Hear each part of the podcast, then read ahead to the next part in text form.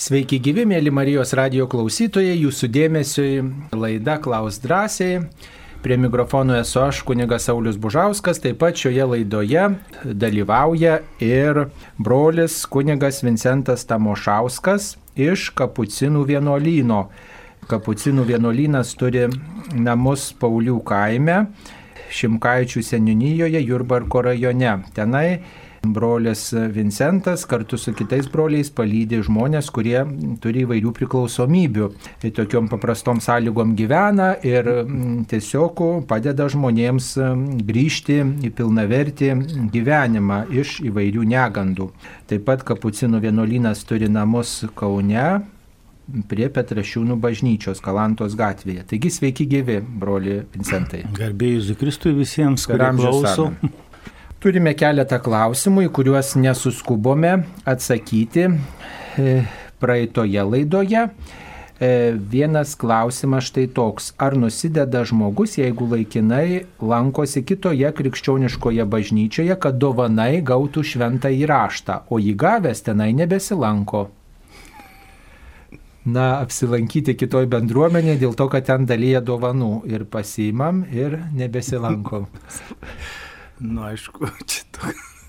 Tai net svarsto brolis Vincentas. Turbūt, turbūt nebus tai didelis, didelė nuodėmė, jeigu jūs atėjote pasižiūrėti, pa, ir duoda, jūs nei prašot, nei vagėt, bet jų dalina visiems ten esantiems, niekas neklausia, nei kokie jūs bendruomeniai priklausot, nieko dalina, jūs dalyvaujate, jūs pasiimate, jeigu jums duoda, jūs imate, sako, duoda imk mušabėk.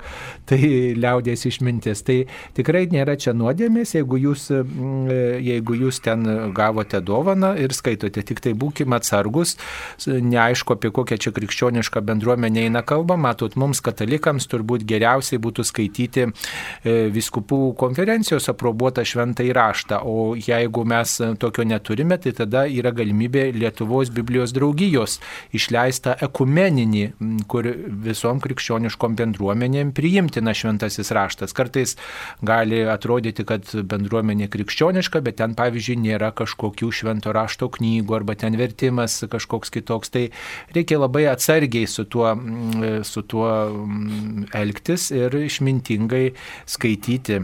Aš manau, kad čia tokia biški godumo nedorybė persimuša, kad reiškia einu bėgu kažką gauti.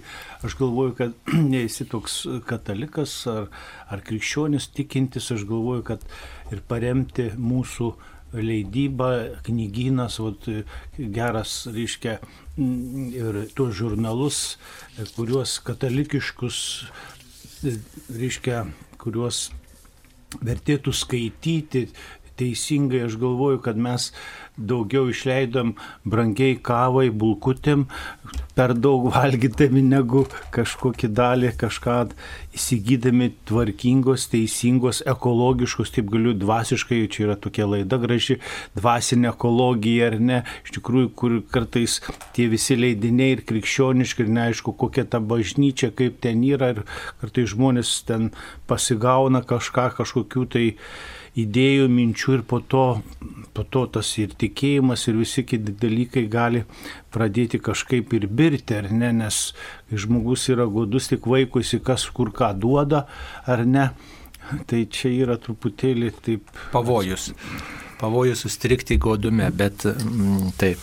Tai atsargiai, su tuo atsargiai, taip atsargiai, jeigu išmintingai elgiamės su dovanom gerai, bet labai reikia atsargiai žiūrėti į tai, ką mums dovanoja. Dabar mums paskambino. Stasys iš Vilniaus. Taip, Stasy, klauskite. Krikščioniškoje žiniasklaidoje girdėjau tokį įsireiškimą, tarytum popiežius Jonas Paulius II inicijavo seksualinę revoliuciją. Kaip tai suprasti? Žodį seksualinė revoliucija, tai aš suprantu, kad tai yra paleistuvystės legalizavimas vakarų šalyse, o tai ir pasaulyje besklindantis.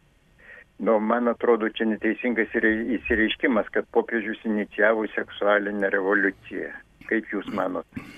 Jūs manote visiškai teisingai, seksualinis revoliucija atsipalaidavimas, palaidumas ir pateisinimas bet kokių tų perversijų iškrypimų.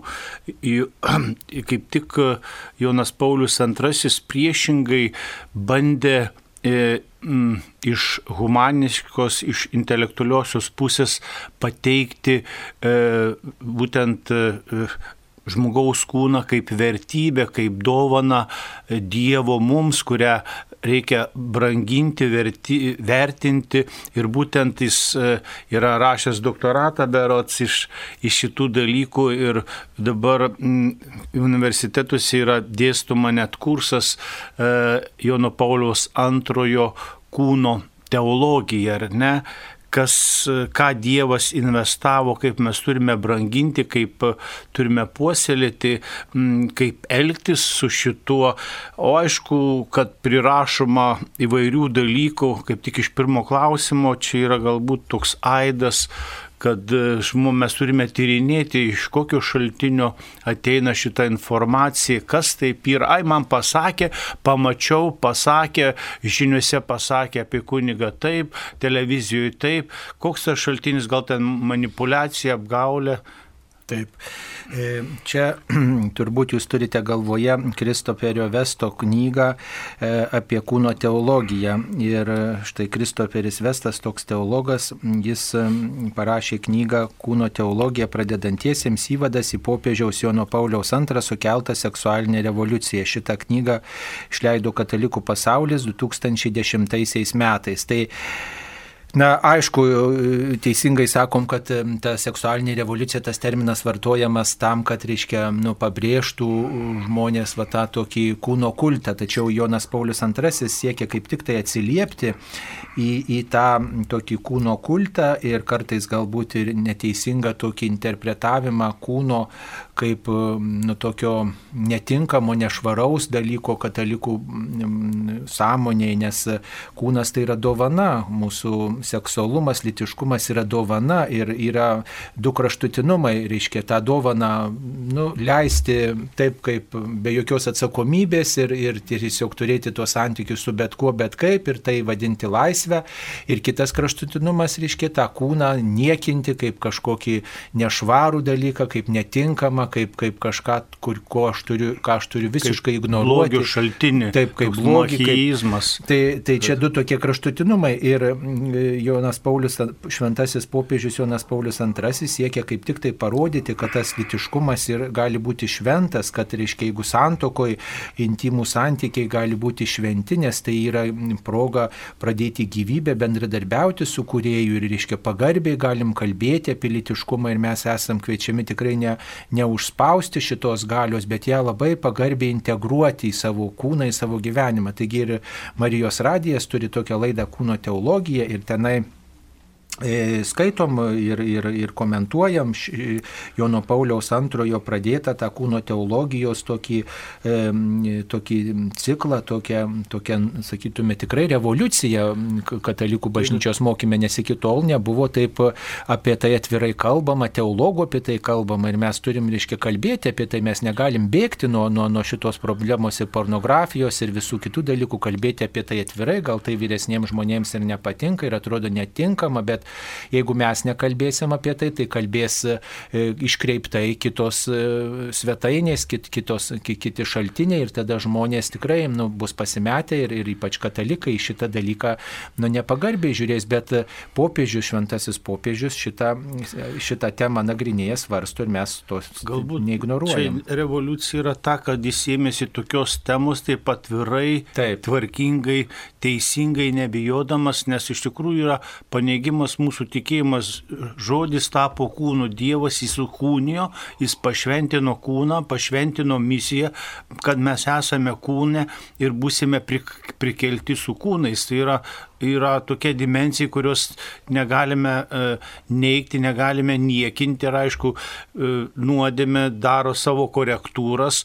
Aišku, 68 metų revoliucija čia galbūt ponas turi omeny tą šitą tokia, reiškia, palaidumo, kažkokio atsipalaidavimo, kad, reiškia, o ne tu esi integruotas, e, tavo kūnas priklauso ne tik tau, bet ir Dievui, galbūt revoliucijai ta prasme, ir kad jis yra mums labai svarbus ir reikalingas ir reikia puoselėti, bet kaip čia kunigas Saulis sako, kad du kraštutinumai, kad mes nepabėgtume, ar ne? In medijų virtutis viduje, viduryje yra darybė, ar ne?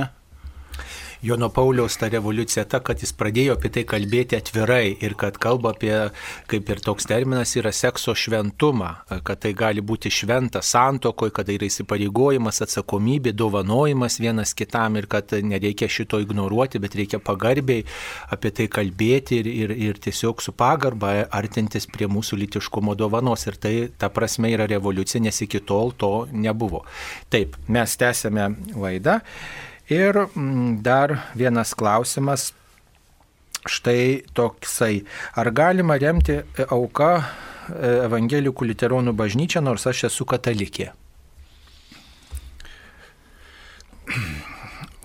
Manau, kad e, e, evangelikai net mes vargšą paremėme šiaip iš tokios pozicijos, vargšą paremėme galbūt ir, ir kito tikėjimo arba ateistas, kuris yra kažkokiame, mes kaip krikščionys turime dalintis, ar ne? Ir aš galvoju, kad evangelikai, liuteronai evangelikai daro gražių, gerų darbų, prasmingų, skelbia evangeliją, aišku, yra atsiskyrę broliai, bet vis dėlto savo karitatyvinius visus tos dalykus ir krikščionišką, aišku, kiek galima, aišku, yra tokia situacija, gal netyčia kažkoks labdaros vakaras ar kažkoks susitikimas. Aišku, jeigu mes galiu paremti ateistą, paremti vargšą žmogų, galiu ir paremti kitą bažnyčią, bet, bet aišku, reikia atsiminti, kad irgi mes turime kad, aišku, pasidalinti, aš galvoju, kad dalintis yra labai gerai, ar ne, teisingiam tikslam ir taip toliau, ar ne, ten Galbūt net savivaldybė renka, ten vyriausybinė organizacija renka lėšas vargšų, vargšų e, sriubai arba tai ir maltiečių sriuba ar ne. E, yra kito, kitos tokios iniciatyvos, galbūt ir, ir tokių organizacijų, bet kurios, aš galvoju, kurios e, Aišku, jeigu ten renka kažkokiom neaišk, neaiškiem, neaiškiems tikslams, neaiškiem dalykams ar ne, ten pavyzdžiui, muzikantas groja gatvėje su gitara ir sako, aš renku alų, ar ne, ir už, yra užrašytas kartais, prieina žmogus, sako, duokit alų, aišku, tada jau sprendžiu, ar duoti man alų, ar ne, ar, ar, ar nu, nunešti tą aukelį, galbūt į, į, įmesti į, į, savo, baži, į savo bažnyčią, paremti karitatyvinę, paremti iš tikrųjų mūsų bažnyčia labai gaila, kad ir žiniasklaida nutylė ir mes labai mažai populiarinime, kiek gražių projektų, gražių dalykų vykdo mūsų e, pati katalikų bažnyčia. Ir ne, tas, ir ne tik karitas skyrius įvairios iniciatyvos ir vaikams, ir paaugliams, ir stovyklos. Kažkaip galvoju, kad mes per mažai džiaugiamės, per mažai e, matome. Turime telefoną. Taip, per mažai matome. Taip, tai mums paskambino. Taip, mums paskambino. Paskambino Marijonai iš Alitaus rajono. Taip, Marijona, klauskite. Nu, žinokit, tos klausimus aš gavau. Aš kaip sako, aš jūsų nuolatinė klientė, nes aš nevaikštų tik prie Marijos radijas. Bažnyčių negaliu nuveisti Marijos, aš su Marijos radija tik meldžiuosi visą laiką. Dabar šit, nu, kartais ateina klebonas pas mane į namus šitas dabar gavau lezeriečių, tą net neištariu knygą. Ir ten parašyta amžinos mišios. Saleziečių žinios čia taip. Saleziečių žinios taip. taip. taip. Ir norit tai reiškia? amžinos mišios. Na va, tai čia daugybę kartų tas klausimas buvo. Tai paprastas dalykas, reiškia, salėziečiai turi nuo bažnyčioje, turi, turi nuo bažnyčioje aukoja šventasias mišes už savo e, bendruomenės geradarius gyvus ir mirusius. Va. Ir nuolat va, tokia, tos mišios ten yra aukojamos ir jie priima auką ir nuolat meldžiasi už visus bendruomenės geradarius geradarius. Jeigu tas geradaris dar gyvas, tai tada meldžiasi jam palaimos, jeigu jis yra miręs, tai meldžiasi kaip ir užmirusį. Tai va ta prasme tos mišios yra amžinos, kiekvienos mišios yra tam tikra prasme amžinos, nes kiekvienose mišiose meldžiamės už gyvus ir mirusius. Tik tai e, ta bendruomenė taip įvardino, kad, žodžiu, už, už savo geradarius tie, kurie prisideda prie tos bendruomenės gyvavimo. Va. Ir tas yra su bažnyčio žinia, ta bažnyčia leido tą bažnyčios vadovybė ir tai nuo Don Bosko laikų, Don Bosko švesdavo mišes ir tokią intenciją turėjo už visus bendruomenės geradarius, kurie paremdavo gatvės vaikus, kurie paremdavo tuos amatų centrus, visą kitą. Tai, mm, tai, na, tiesiog galimybė yra prisidėti prie tos bendruomenės gyvavimo ir taip, na, tokiu būdu e, dalyvauti jų, jų misijoje ir kartu, na, už jūs melsis, kaip už gyvą, už jūsų šeimą, o jeigu iškeliausite amžinybę, melsis už jūs kaip užmirusią. Tačiau e, visi žinom, kad ta tokia mišių auka, kai melžiamės už, reiškia, konkretų žmogų, vieną žmogų, tai tikrai bažnyčia bažnyčios yra sena visuotinė tvarka, ne kažkokios vienos vienolyjos, tai mm, reikėtų turbūt irgi neapleisti šitos praktikos, ar net amžinos mišios užprašiau ir dabar galiu jokių kitų mišių neprašyti, neaukoti mišioms ir, ir man nereikia kitų mišių, nes yra amžinos mišios. Tai čia būtų klaidinga manyti mes Visada melžiamės tam tikrom progom, prašom palaimos ar, ar ištikus negandai kokiai ir kartu, kartu, reiškia, asmeniškai prašom ir nori žmonės, kad jų vardą prieš mišęs ištartų tą intenciją, kurią kunigas melžiasi, konkrečiai intenciją. O tose amžinose mišiose yra bendrai melžiamasi už visus geradarius gyvus ir mirusius. Tai va toks būtų skirtumas, toks, tokios bendros tarsi sudėtinės mišios už visų laikų mirusius ir gyvuosius bendruomenės geradarius, o mišios, kai mes dalyvaujam ir girdim intenciją, yra va, ta konkrečia intencija, už tą konkretų žmogų meldžiasi, už gyvą ar už mirusį. Va. Tai palaikykit ir melskitės savo parapijoje tikrai už uh, savo reikalus ir tikrai labai svarbu ir reikšminga jums, jūsų šeimai įvardinti konkrečią intenciją ir tai yra ženklas kitiems žmonėms. Taip, nebent kunigė dar ką pridėsi. Ne, aš tik tais noriu, kaip tik čia toks geras liūdėjimas apie tas šventasis mišes, kad, kad iš tikrųjų mes neįvertinam amžinybė, tikriausiai pamatysime, kokią vertę neįkainuojama turėjo tos mišes, kurias aukoja e, kunigas, ant kurių kartais ir nelabai taip kreivai žiūrime, nepatinka kas, bet iš tikrųjų per kunigo rankas ateina Nes šventasis Pranciškus sako, nesvarbu koks tas kunigas, sako, reikia prieš jį atsiklaupti ir bučiuoti rankas ir kojas tai, ką padaro jis ant altoriaus. Ar ne? Iš esmės kunigo tarnystė e, yra, kaip sakant, kad Dievas nužengtų į mūsų tarpą. Mes turime švenčiausią sakramentą, mes turime gyvybės šaltinį, mes turime, mm, mes turime esmę savo tikėjimu, tą, ką Jėzus sako, aš esu prisikėlimas gyve, ir gyvenimas, ar ne? aš esu gyvybės duona. Ne? Per, per tą švenčiausią sakramentą mes gauname amžinai gyvenimą. Ne? Ir būtent labai svarbu, kad, e, kaip sakant, kunigai, net ir, ir jūs, ir mačiutės, o ir už mirusiuosius kartais čia sako, ai, tik už gyvuosius reikia melsis. Ne, yra mistinis Kristaus kūnas ir mes nežinome, kaip tik mirusieji nelabai gali savo padėti, o mes tai toks meilės atodusis mūsų išjusiesims, ne kad jie yra su mumis kartu, su mumis kartu yra ir kad jie yra mūsų gyvenimo dalis ir mes, kad, ir mes būsime kartu susijungę, susivienyje būtent amžinybėje ir pamatysime, kokie gražus vaisiai yra iš šventosios, iš šventųjų mišių aukos. Taip, dar panašus klausimas, kas yra grigališkosios mišios ir kokiais atvejais jos gali būti užsakomos.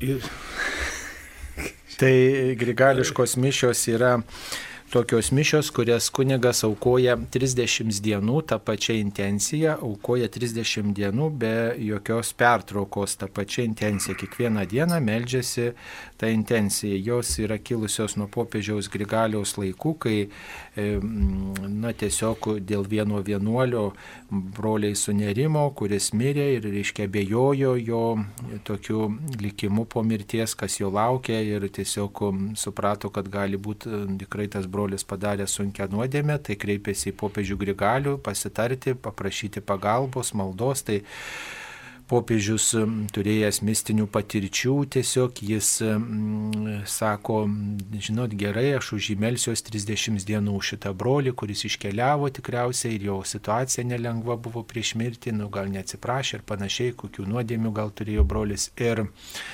na, tiesiog po to laikotarpio tikrai popiežius turėjo tokių regėjimų, kad štai va tikrai ta, ta malda išklausyta ir tikrai ta malda tam broliu be galo pagelbėjo ir jis yra amžinybėje laimingas, danguje džiaugiasi Dievo artumu.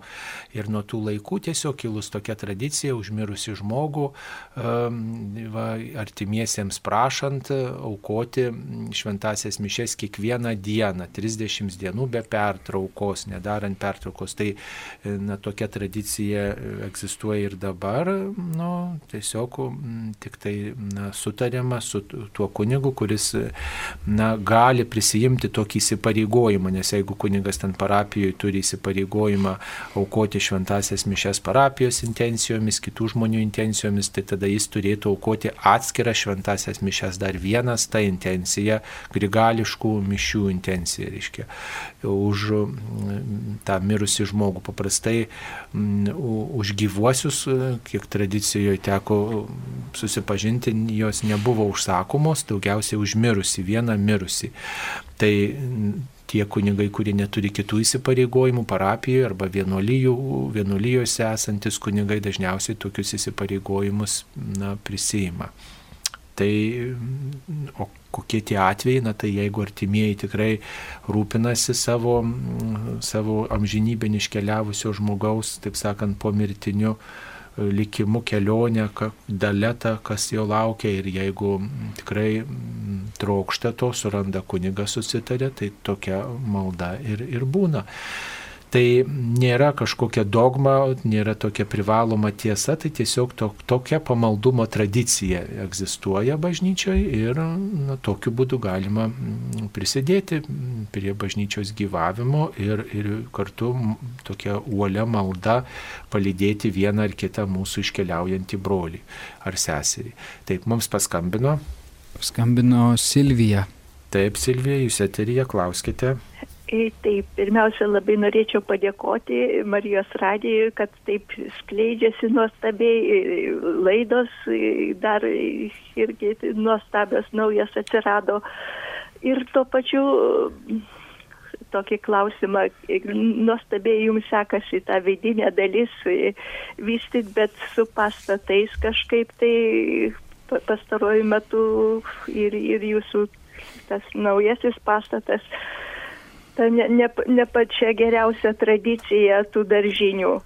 E, tai toks prašymas, gal išgis ir kiti kunigai, kada renkam dabar naujoms bažnyčioms e, e, lėšų, ar negalėtų būti kažkaip pristatyti tie ir keli projektai bažnyčių e, tiesiog e, ir atsiklausti ir, ir tų tikinčiųjų ir kad būtų tas pasirinkimas, nes e, tenka matyti, kada kažkokį visuomeninį objektą, tai duoda visuomeniai kelis, kelis variantus pasirinkti, gal tiesiog ir tas, tie nauji pastatai atsirastų gražesni, kokie, kokie, kokie buvo praeitie, tai ačiū.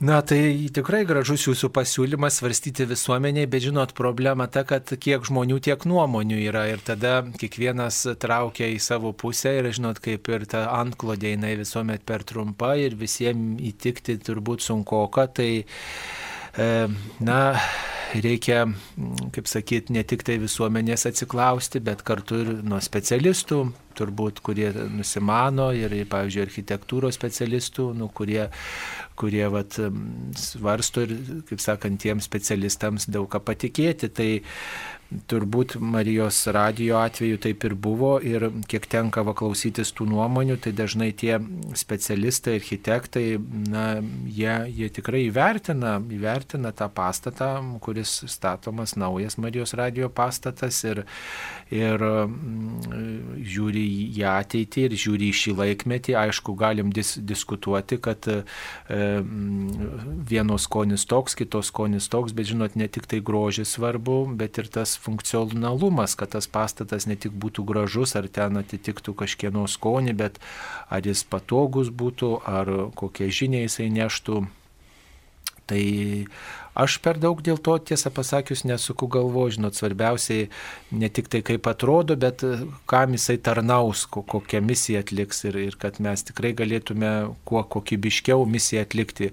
Marijos radijų netiek svarbu atrodyti, kiek svarbu turbūt misiją nešti ir, e, ir tikėjimo žinias kleisti, skleisti kuo kokybiškiau, kuo profesionaliau, o ten ar, ar ten langai tokie bus, ar ten tokie, nu, gal kažkam patinka, kažkam nepatinka, nu ką darysi, bet, žinot, jau padaryta, padaryta jau iki mūsų, įvertinimai yra ir geri, ne tik tai blogi, nu, o tai svarbiausia, svarbu, kad kokybiškai būtų darbai atlikti, va, kaip jau padaryta taip ir, ir priimkim tai, jau, jau daugybė čia diskutuota, daugybė tartasi, tai nu, išsakyta, jau priimkim tas, kas iki mūsų padaryta ir įvertinkim tai ir teskim, kas, kaip galim geriau. Aš tai taip manau ir su bažnyčiom tas pats naujos, aišku, jos labai norėtųsi, kad iš karto tą sakralumą turėtų ir, ir tarp kitko koplyčia Marijos radio tai tikrai tą sakralumą turi, dar nors jinai neįrengta, tačiau jaučiat, kad čia va koplyčia yra ir tas toks, tie, nėra tokių stačių kampų, tas, nu, tokia erdvė graži visa, nu ir tikrai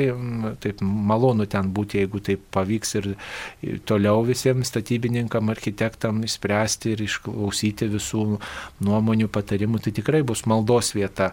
Nu va, o, o paskui jau kai bus, tai priimsim galų galę, žinot, ir, ir tikrai svarbiausia mums ne, ne, ne, ne priešintis, bet kaip įmanoma tas erdves prisijaukinti ir, ir nu, padaryti tai, ką galim geriausiai, kas nuo mūsų priklauso ir tą stengiamės. Va. Iš pradžių galbūt žmonės tas naujojas nepriima ir bažnyčioje tą Dievo žodį nepriimdavo ir lietuvių ir taip toliau po kelių metų, po kelių sakys, o kaip, kaip išmintingai gerai viskas padaryta. Ir paveldas ir, ir mes galbūt subjektyviai kartais matome ar kunigas ar viskupas priema kažkokį sprendimą ir iš savo varpinės sako, oi kaip čia blogai dabar padaryta, kodėl čia taip, o visam kontekste nu, jeigu taip bandant objektyviau einant, žiūrinti visumą ar ne, iš visų pusių, tai e, dėliujas ir pasirodo, kad tas sprendimas nėra tik tais vieno žmogaus kažkoks sprendimas, yra ir pasitarimas, yra ir, ir taryba, yra ir, ir, ir viskupija, yra ir architektai. Iš visų pusių čia yra žiūrima plačiai, analizuojama ir, ir kartai žmogus ot, nes, nesuvokdamas iki galo visos tos visumos, kartais, aišku, gal ir nepatinka ir, ir, ir, ir mums kai kurie sprendimai nepatinka, galbūt ir vyriausybės, ir Seimo, bet e, visi susėdę 140 galvų sprendžia, kaip čia geriau padaryti. Taip. Tęsėme atsakymus į mūsų į klausimus, kuriuos jūs atsintėte. Kas yra Dievo apvaizda? Štai toks klausimas. Dievo apvaizda. Turbūt daugybę kartų girdėjome šį žodį, kaip tai paaiškintume, kunigai. Ką, kad labai geras klausimas, o bažnyčiose kartais yra tokia didelė akis, kai kuriuose senuose, ypač bažnyčiose, ar net toks trikampis ir akis, kad, reiškia, mm, teologiškai, kad e, Dievas e, rūpinasi ne tik, yra tokia mm, nu, teorija, nemastymas, kaip čia tokia koncepcija, kad Dievas sukūrė, toks deizmas, kad Dievas sukūrė, paleido šį pasaulį ir pasaulis Dievui jau neberūpi ir darykime, kaip mums jau patinka. Dievas sukūrė, ačiū, pasinaudoja jau nieko panašaus, nes Dievas myli savo kūrybą, iš meilės sukūrė ne? ir toliau toks yra da, posakis, reiškia, teologinis kreacijų kontinua, reiškia, kad kūrimas vyksta toliau, ar ne? Ir Dievui yra svarbu, e, jis myli kūrinius, myli savo kūrybą, todėl jis prižiūri, rūpinasi, aišku, ir, ir neribodamas davė mums laisvą valią, ar ne? Ir kartais, nu, pagal Dievo išminti mums kartais nesuvokiamai nesumokimai Dievas savo, kaip sakant, net per kažkokį įvykį blogą, atmelžiamės, mes projektuojam, kad būtų viskas gerai, o galbūt mums reikia kažkokio lūžio, kažkokios lygos, čia irgi Dievo apvaizdos planą, galbūt net mirties ar ne. Čia teko kalbėti, čia neseniai berniukas žuvo ant traukių, čia toks mažas berniukas dviejų metų buvo tokia įvykis. Na ir taip ir aš svarščiau ir ten iš tų miestelių žmonės svarstė, kodėl taip įvyko, kodėl Dievas prileido dabar, kas čia atsitiko. Nu, gaila, kad tos gyvybės, bet galbūt tai buvo ženklas šiai šeimai, artimiesiems, kad jie priartėtų prie Dievo, atsiverstų, galbūt grįžtų į tą gyvenimą su Dievu, susimastytų, sustabdytų tą visuomenę, tą bendruomenę nuo, nuo tam tikrų dalykų. Mes nežinome, kodėl ta auka, e, ko ta buvo. Ir aš galvoju, kad viskas, kas įvyksta nelabai mums priimtino, gero, tai yra vis dėlto Dievo vaizdos planas. Tik tais problema, kaip mes, kaip mes į tai pažiūrėsime. Taip, mums paskambino. Jadvyga iš Vilniaus. Taip, Jadvyga, klauskite. Garbė Jėzų Kristui. Per amžius. Noriu paklausti, ar kalba kas iš kunigų aramėjų kalba, kurią kalbėjo Kristus. Ir noriu dar žinoti, kokia dabar padėtis Maluloj. Ačiū. Kur taip nesupratome? Maluloj. Sirijoje. Sirijoje. Nu, va, matot, Sirijoje. Na, Sirijoje tai yra turbūt karinė padėtis, ten yra daug griuvėsių ir ten jau krikščionybės tikrai turbūt jau yra tik tai pėtsakai menki. Tai taip, o aramėjų kalba tikrai gal suprasti tie, kurie biblinę teologiją studijavo, šventą raštą, tie mokėsi gal aramėjų kalbos ir, ir nu, esam turbūt visi kunigai vienom ar kitom aplinkybėm girdėję tą aramėjų kalbą, kaip jis skamba. Ir ir galbūt kartu bandę melstis, vieną kitą žodį gal žinom, bet kad jau kalbėtume, tai tikrai kalbėtų kunigai, tai neteko girdėti. Taip supranta, paskaityti gal gali kai kurį tekstą. Tai... Šiaip, jinai biblinė kalba yra tokia kaip ir, sakykime, mirusi, jos jinai transformavusi, kiek aš nesu kalbininkas ir jau žydai dabar kalba nuo savo semitinis, semitinis pogrupis yra šitų kalbų. Nu ir šita kalba likusi kaip ir, ir, ir, ir ta, reiškia, yra dabar graikų kalba, ar ne? Graikų yra biblinė, yra senoji kalba ir naujoji kalba. Matote, yra procesai, yra vystimasis ir, pavyzdžiui, kaip lotynų, ar ne? Aišku, galim kalbėti, bet dažniausiai kunigai skaito, e, meldžiasi mišiuose lotiniškais tekstais, supranta tekstus, bet e, vartoj, vartojimui jinai nelabai ne galbūt funkcionali ir praktiška, o kad e, yra kunigų, daktarų, kurie biblistų, kurie supranta, kurie studijuoja, kurie, kurie moko, nu, tai Taip, tai gali būti, bet nedaug. Taip, dabar mums dar paskambino. Algis iš aukštaitijos. Taip, Algi, klauskite. Garbė Kristai, aš noriu paklausti dabar per Marijos radiją, kai būna transliuojamos mišios, sakykime, va, iškilmingos iš trakų ir panašiai, kodėl e, ten vyksta bažnyčioje negėdama Marijos litanijo, o skaitoma.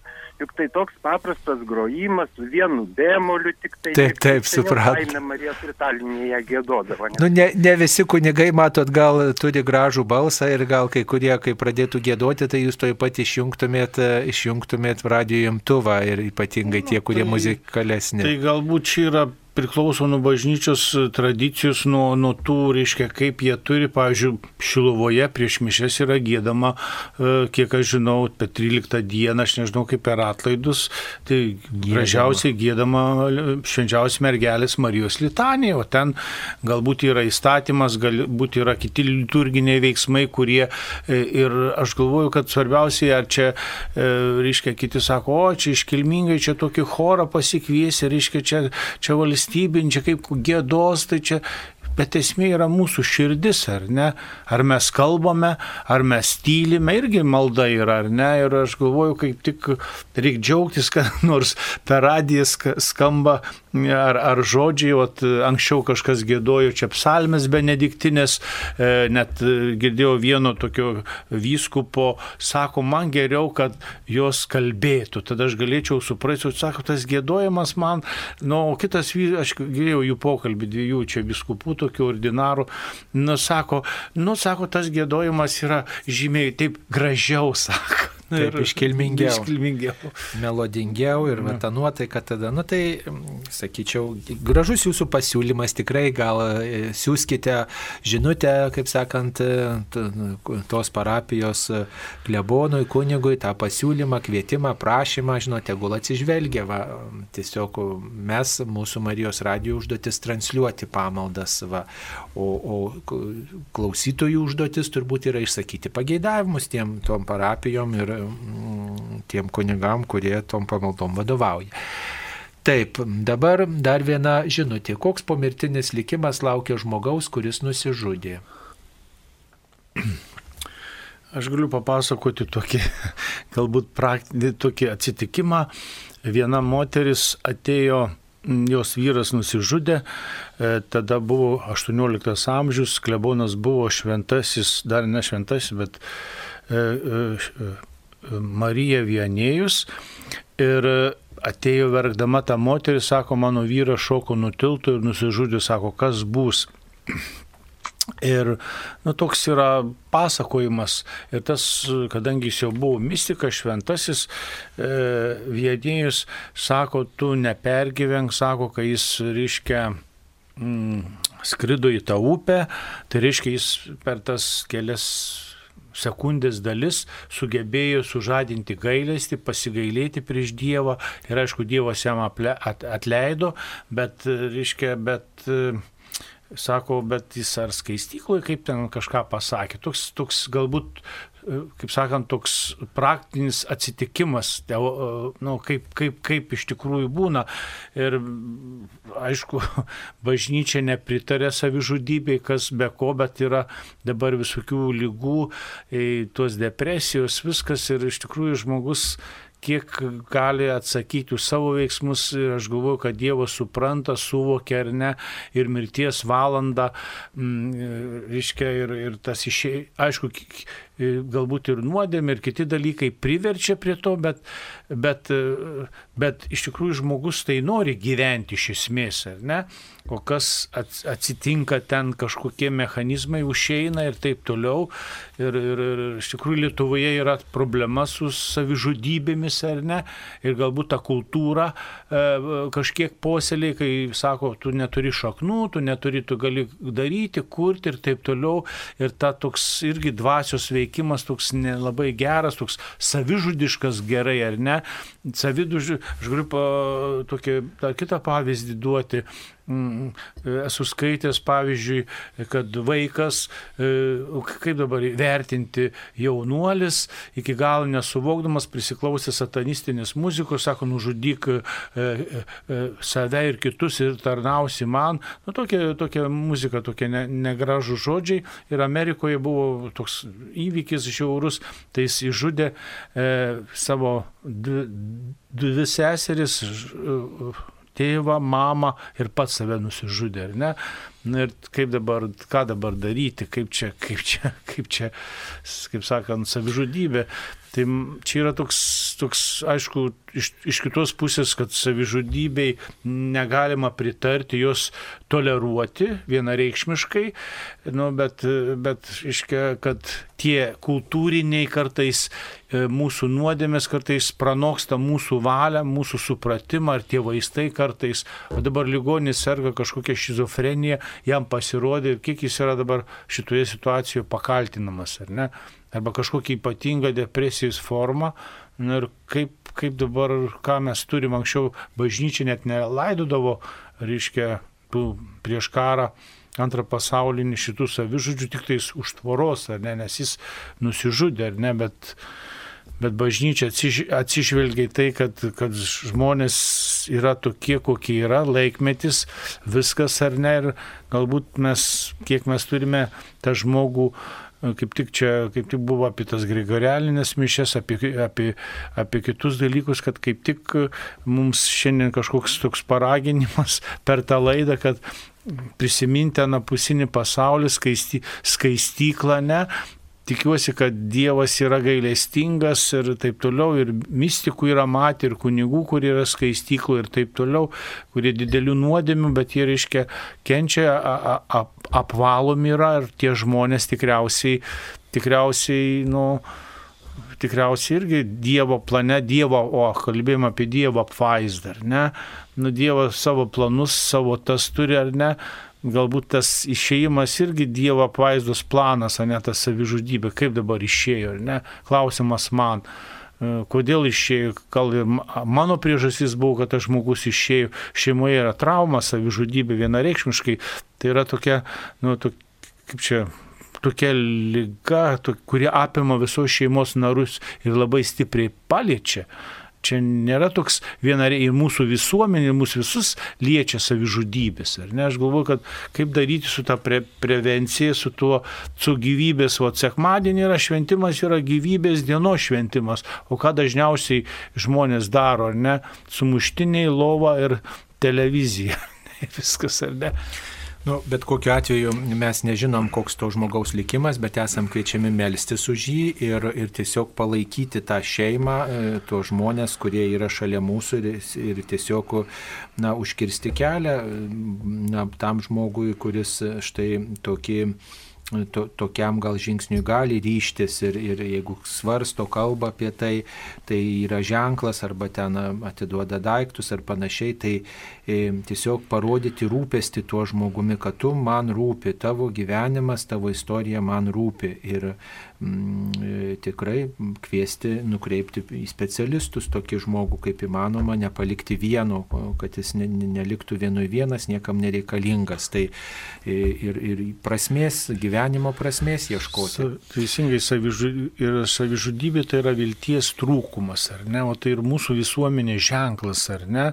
Turime daug daiktų, turime daug pramogų, o vilties mumise maža ir jeigu žmogus žudus yra vienas iš tų dalykų, kad jis nebeturi vilties, nebeturi prasmės tam gyventi.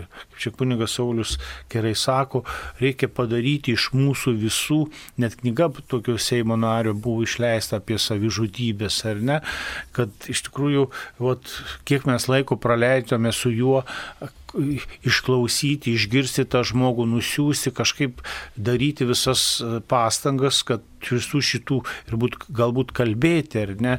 Ir kartais čia buvo toks judėjimas, net prieš kiek metų kažkokia kaip čia nesekta, tie juodai apsirengę, kad pradėjo jie kažkaip ten pradėjo žudytis, jaunavoje kažkas nusižudė ten.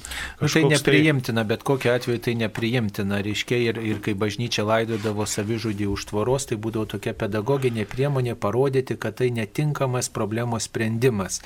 Lai, vystintis psichologijos mokslui, laikams keičiantis, tai mes labiau suprantam šitą vat, problemą, bet e, esam kviečiami melstis už tuos žmonės, kurie iškeliavo ir tas, na, Dievas, manom, supranta šitą e, dalę žmogaus.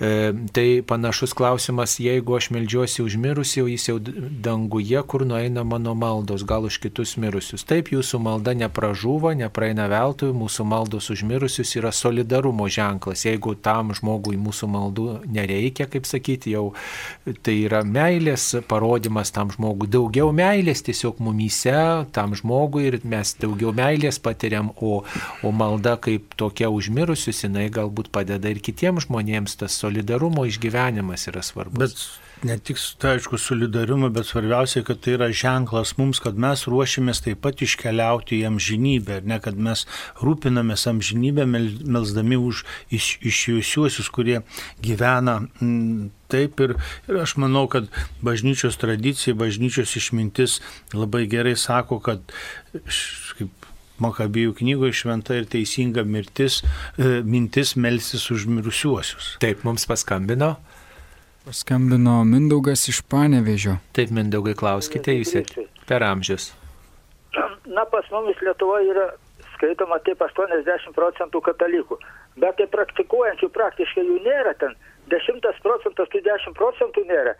Na ir dabar, sakykime, šitie, kurie pastovi praktikuojantis, jiem yra gan didelė našta, sakykime, eiti ir visą laiką, sakykime, kad ir tos aukos, aukot, sakykime, kiekvieną sekmanį paukot. O pavyzdžiui, kitos, sakykime, ponai ir poniutės katalikai jie yra, jie geria kavą, poniutės kokias, vyra laus atsigeria, kam jam ta bažnyčia, suprantat, bet jie yra pasiturinti šiaip, jie galėtų nešti, o pavyzdžiui, padaryti, pavyzdžiui, antras procentas, katalikas esi, kaip valstybė, sakykime, į žmonių kasą kaip kokia, kad būtų fondas katalikų. Ir būtų visom bažnyčiam užtektų pinigų ir, sakykime, Marijos radijo ir kunigų atlyginimam ir taip toliau ir taip toliau. Va. Ką norėjau pasakyti, o dabar renkam, renkam tos pinigus, sakykime, bažnyčias, tenais iš Marijos radijos koplyčiai. Užtenka, neužtenka, ten ko, kokia ten samata, niekas nieko nežino, ten, nu, palaida bala, vienu žodžiu, Lietuvos katalikų bažnyčiai. Ką jūs apie tai, nu, sakysim, Vokietijoje, jeigu katalikas, tu procentus atskaita ir viskas, nereikia ten su lėkštutė, pavyzdžiui, pa bažnyčią. Taip, tai ačiū, supratom, supratom. Gerai. E, teisingas jūsų pasiūlymas, bet e, matot, e, yra tokia pasaulinė patirtis, kad žmonės, pavyzdžiui, Vokietijoje, kurie štai turi mokėti tą mokestį, jie pasako, aha, tai jeigu iš manęs atskaito, tai aš tada nebūsiu katalikas ir jis nemoka, reiškia, ir jis tada sako, aš ne katalikas ir va taip, kad nereiktų mokėti mokesčių. Tai va, auka yra savanoriškai, matot, niekas neplėšia jūsų piniginiais, jeigu jūs turite, duodat, neturit, neduodat ir aukos bažnyčioje renkamos, nu, kaip solidarumo bendrystės ženklas. Jeigu aš noriu, man rūpi, tą prisidedu, jeigu man mažiau rūpi, mažiau prisidedu, jeigu visai nerūpi, visai neprisidedu, nu ką, taip yra. Matot, auka bažnyčia, rinkdama aukas, parodo savo nulankumą, ne tai dabar aš būsiu ponas, man 2 procentus atskaičiuos, visiems visko užteks ir mes būsim kaip ponai, ne, tai yra tokia neturtų iš, išaiška ir nulankumų prie žmonės, kad taip pat reikalinga jūsų, jūsų parama, jūsų pagalba, pavyzdžiui, kaip Šventas Pranciškus ir iš nuolankumo prieš kitus žmonės, kad mes esam priklausomi nuo kitų, kam mums reikia.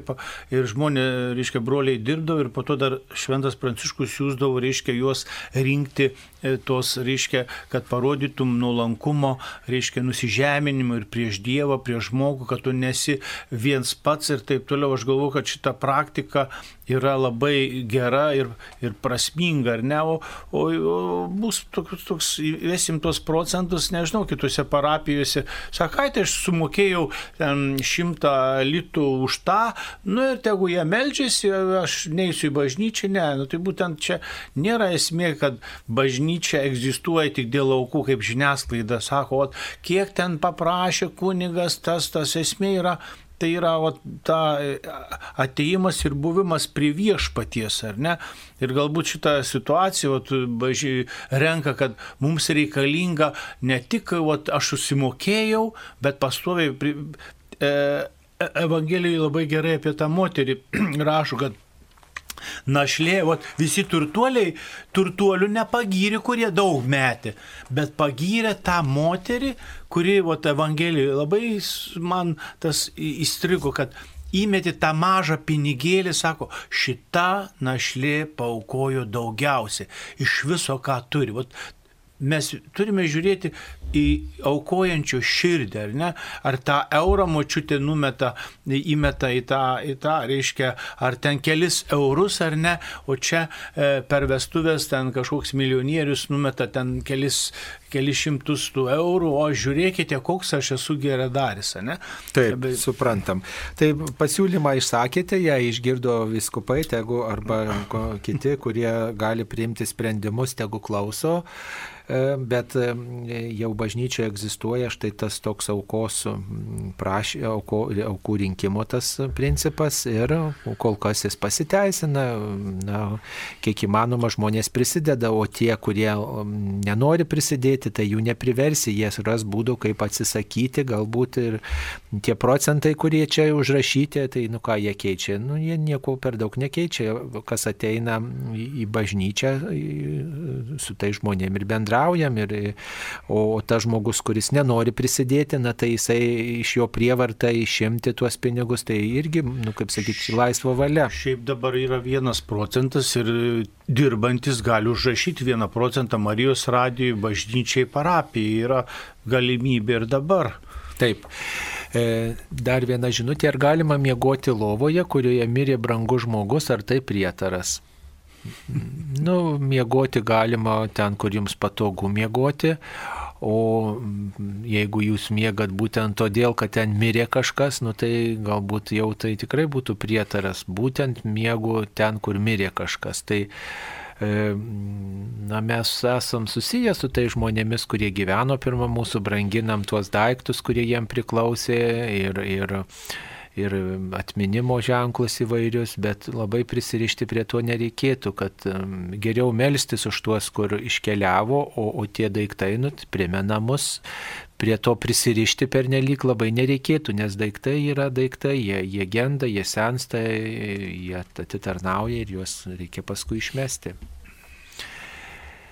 Taip, dar viena žinutė e, yra, esame ne pora sugyventiniai, ar nedarau nuodėmę nutraukus lytinius santykius, nes aš einu šventųjų sakramentų sugyventiniai eina šventų sakramentų. Jau čia yra kažkas nelabai gerai, ar ne? Nu, jei kartu gyvena, bet e, neturi lytinių santykių. Nu, šiaip pra, bažnyčios pastoralinė praktika sako, jeigu gyvena kaip broli su sesuo ar ne, padeda, galbūt yra tokia padėtis, kad ten reikia kažkam vienam padėti, gal, gal ir, ir sergantis daugiau, ar ką, taip kaip sakant, broli su sesuo gyvena, nu ir, ir galima Bet, bet gali būti papiktinimas, matot, bendruomeniai, kurioje jūs, jūs ten esate, tai štai visi žino, kad jūs gyvenat kartu, visa kita, einat su sakramentu, galit papiktinti tuos žmonės, tai, tai, va, tai taip pat irgi reikėtų atsižvelgti, galbūt lankytis kitoj bendruomeniai, kur nebūtų tokio papiktinimo, ne, vis tiek mes negalim kitus žmonės skaudinti kažkaip ir, ir artimo meilę reikėtų rūpintis, o šiaip reikėtų turbūt priimti santoko sakramentą sakramentą, jeigu nėra kliučių. Ar santoka priimta dėl tradicijos turi kokią reikšmę, jei tikėjimas tik tradicinis? Nu kaip? Aišku, kaip, kad turi reikšmę. Tra, tradicinis, jeigu visiems tu eini priesaiką, sakai iš tradicijos, nu visiems kažkam tu tą žmogų, e, kiek koks tas yra suvokimas, ką reiškia tradicija. Ne, tradicija reiškia, mes tradicijai turime atgaivinti ir taip toliau, ar ne, jeigu tu tokiesi, kodėl tokiesi, kad myli, kad nori priesaiką, o dabar iš tikrųjų tad iš tradicijos nelabai be išeina, nes yra padidinti kursai ir, ir taip toliau, ir tu turi suvokti, ką nu, darai. Seniau susituokė. Ai, seniau susituokė. Ne iš tradicijos, ne. O, tradiciškai atsikeliu ir atsigeriu kavos, arba tradiciškai iš ryto sukalbu maldelę. Tai dabar ar čia ta malda bus gera, ar bloga, kaip, ar ne. Padarau kryžiaus ženklą, ne prieš valgį, ar ne. Nu, kaip į tradiciškai, kaip, kaip sakant, iš įpratimo, bet, bet intencijai tai buvo, kad kad e, ta, priimtis tą sakramentą, Dievo palaiminimą ar ne, kad tie visi ritualai, tradicijos mums yra reikalingi ir būtini, ar ne, tik tais galbūt žmogus susituokęs vėliau įsisamonimą, ką iki galo, ką jis padarė, kokiu keliu eina, kodėl jam reikėjo priimti šitą sakramentą. Taip, tai dar vienas klausimas, kiek jaunuolių įstojo į kunigų seminariją. Tai kiek žinau, įstojo šeši jaunuoliai per visą Lietuvą. Ir e, tie jaunuoliai netrukus mokysis e, telšiuose parengiamajam kursė. Visos Lietuvos parengiamasis kursas yra telšiuose. Visos Lietuvos filosofiniai kursai mokosi Kauno kunigų seminarijoje. Ir visos Lietuvos teologiniai kursai mokosi Vilniaus Švento Juozapo kunigų seminarijoje. Ir dar vienas klausimas panašia tema yra, ar nepristiksim kunigų, e, ar nepristiksim kunigų, kiek e, kunigų yra Lietuvoje. ir kiek per metus įstoja, nu tai skirtingai įstoja, šiais metais šeši įstojo, kitais metais kiti būna skaičiai, iš viso mm, Lietuvoje turbūt yra apie 600 kunigų. E, aišku, reikėtų čia gal suskaičiuoti tiksliau. Mm, va, gal apie 700 kunigų yra, bet kai kurie yra vyresnio amžiaus, žodžiu, apie 700 yra kunigų Lietuvoje, iš jų yra maždaug apie 90 kunigai vienuoliai.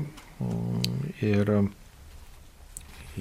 kiti kunigai vyresnio amžiaus, taip sakant, rezidentai arba, arba altaristai o kiti kunigai yra veiklesni, tai toks yra skaičius. Aišku, kad yra tas pavojus pristikti kunigų e, ir, na, turbūt kai kuriuose kaimeliuose, kur yra mažesnės parapijos, kur yra mažesnės bendruomenės, ten kunigas atvyksta iš kitos parapijos, nes ta parapija negali išlaikyti kunigo, o šiaip miestuose įvairiuose bendruomenėse yra tas kunigų poreikis, tai dėl to krikščioniškos šeimos turėtų atsakingai galbūt auklėti mm, savo vaikus, paskatinti šitą kelią, apie tą kelią pagalvoti.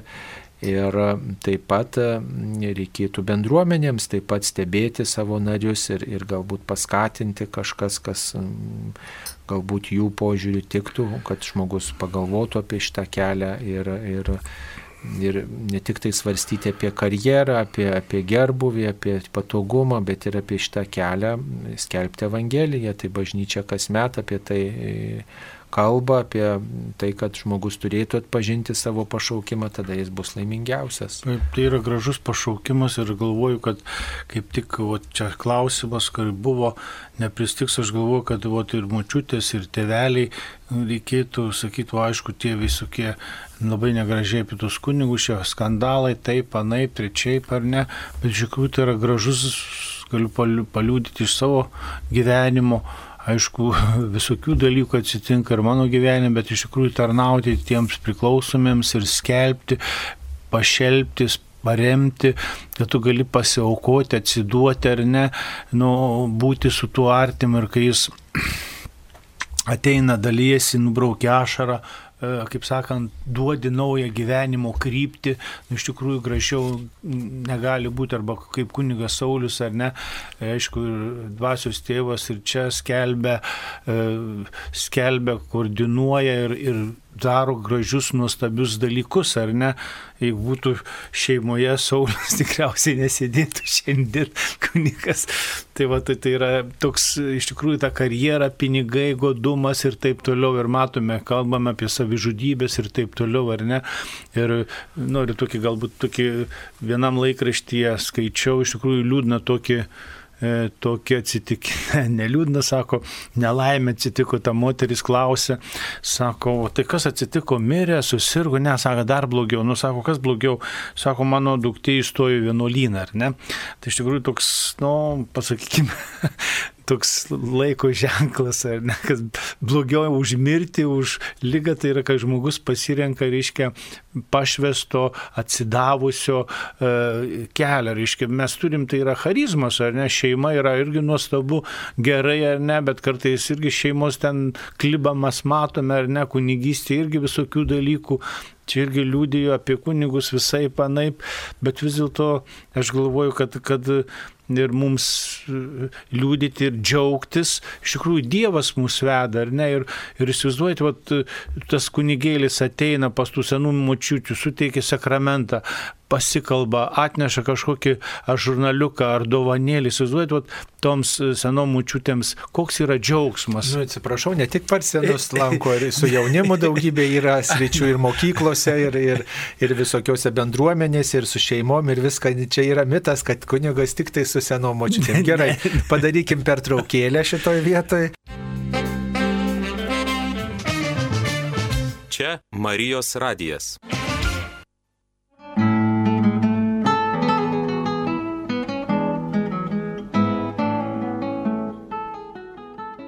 Mėly Marijos radio klausytojai, atlaidų sukūrėje kviečiame susitikti su Marijos radio savanoriais ne tik trakuose, bet ir rugsėjo 6 dieną sekmadienį Utenos Dievo apvaizdos bažnyčioje, kuri švenčia 15-asias bažnyčios konsekravimo metinės ir Dievo apvaizdos atlaidus. Taip pat Kauno Šventojo kryžiaus karmelitų bažnyčioje, Kupiškio Kristaus žengimo į dangų bažnyčioje, Krikštonių Lazdijų rajone Kristaus karaliaus bažnyčioje, kur vyks švenčiausiosios mergelės Marijos ligonių sveikatos atlaidai.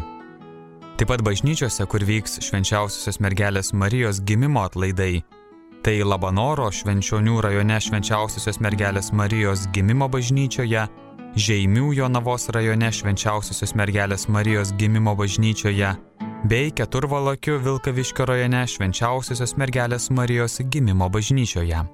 O rugsėjo 7 dieną pirmadienį kviečiame atvykti į Šiluvą, kur prasideda didieji Šiluvos atlaidai - Šilinės. Savanoriai jūsų lauks aikštės gale ir palapinėje prie laiptų į baziliką. Padėkime mergeliai Marijai pagelbėti mums. Marijos radijas tai krikščioniškas balsas jūsų namuose.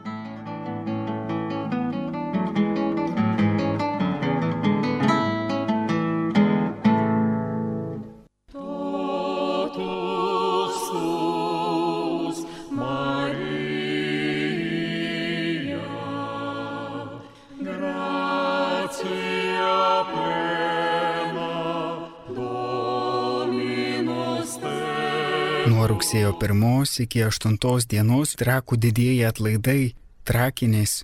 Kiekvieną dieną nuo rugsėjo 1 iki 6 dienos Marijos radijas transliuos 11 val. 20 rožinio maldą, 12 val. šventasias mišes.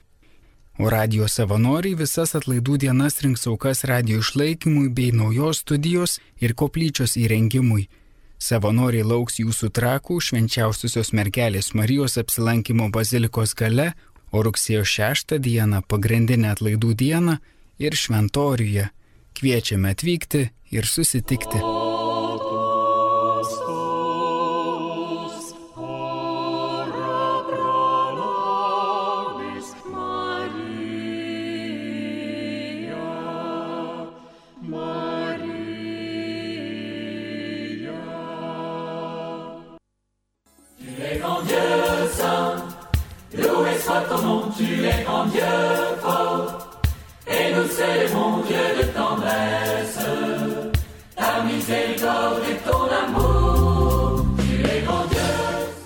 Pokalbių laida Klausk drąsiai.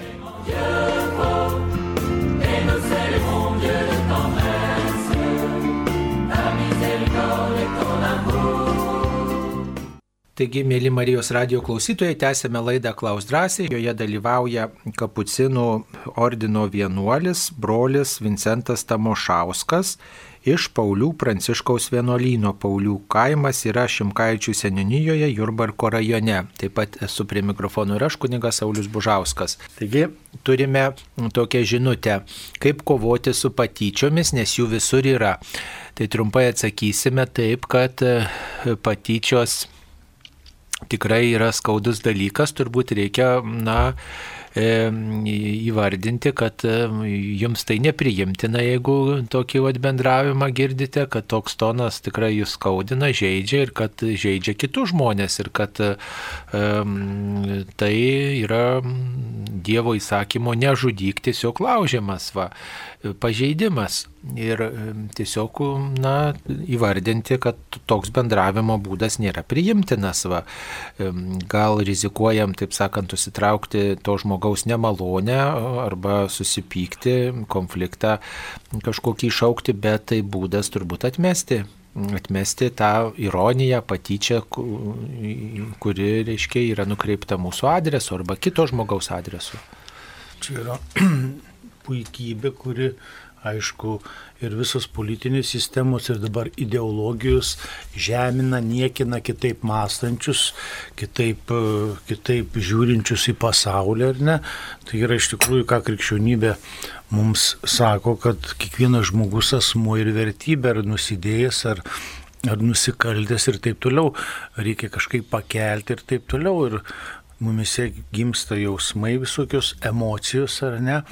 Mūsų pasididžiavimas, įsipuikavimas, čia yra, reikia kalbėti apie tuos, e, apie tuos galbūt šaltinius e, kylančius, kas yra šaltinis visos šitų patyčių. Ir visuomenė bando gesinti savaitę be patyčių mokykloje ir taip toliau ir filmuose rodomos tos senos patyčių, niekinimo žmogaus ir, reiškia, ir negimusio žmogaus yra prieš gyvybę. Jeigu mes pritarėme negimusio žmogaus žudimui, tai ir tyčiojamės iš gyvybės, o jeigu logiškai, tada galime tyčiotis iš vaiko, e, ten mm, ir prievartą, ir visokius kitus dalykus. Jeigu mes tyčiojamės, galime tyčiotis iš, iš bažnyčios, iš tikinčių žmonių, ką daro pasakykime, spauda subtiliu būdu ar ne, ir, ir paniekindama pažeminta, nu galbūt tas kunigas ir nusikaltų, pasielgi ne taip, bet su visa institucija ir taip toliau. Čia yra, čia yra tokie, pasakykime, tokie užslėpti mechanizmai žiniasklaidų visoje toje, kad būtent e, tos yra kreuojamas patyčios ar ne, arba tie portalai, daleiskim, pornografija irgi patyčių forma žmogaus, moters orumo žeminimas arba, arba tos reklamos. Ten moteris kažkaip tai keistai sėdi, kai juokis irgi išnaudojama, tai irgi pasityčiama, dabar tu būk mums lėlė, ar ne? Tai iš tikrųjų tokie dalykai, arba dalėsim prostitucija, kiti dalykai. Taip, ačiū Jums, mums paskambino. Aušra iš Vilniaus. Taip, aušra, klauskite. E, norėjau pasiteirauti dėl paminklo e, kapuose šventinimo. Šeima palaidojo tėvą su kunigu, reiškia, kapo duobė buvo pašventinta, po kurio laiko vaikai pastatė paminklą, dar vėliau e, mirė šeimos mama, vėl buvo palaidota su kunigu. Norėjau pasiteira, bet atskirai paminklas nebuvo šventintas. Paskui vaikai pertvarkė kapavietę. Ar reikia e, pašventinti paminklą ir kapavietę dar kartą? Na jeigu paminklas buvo šventintas, o ten, e, žodžiu, kažkas pertvarkyta buvo, tai šventinti nereikia. Matot, laidotuvių metu yra šventinamas dažniausiai tik tai tas laikinas kryželis. Va. Ir, tai, ir tai turbūt ne visada, o, o paminklas, kuris jau nuolat ten stovi, tai šventinamas atskirai, atskirai. Nes laidotuvių metu kunigas šventina duobę, į kurią žmogus yra laidojamas. Va. O tai nutaikykit galbūt, jeigu iškyla bejonių dėl paminklo, jeigu ten pertvarkyta buvo kažkas, ten nauja lenta uždėta ant to paminklo, ar ten kryžius naujas, dar kažkas žiūrint, kokie tie pertvarkymai. Jeigu buvo paminklas šventinam, šventintas kartą, tai kitą kartą šventinti jo nereikia. Bet jeigu nebuvo, o tik tai laidutuvės buvo tuomet, tas jau nuolatinas paminklas, nuolatinai stovintis turėtų būti pašventintas. Taip. Dabar Dar vienas klausimas apie mm, tai, e, kiek žinau, celibatas tai draudimas kun, katalikų kunigui kurti šeimą. Ar yra celibato sulaužimas kunigo nesantokiniai lytiniai santykiai?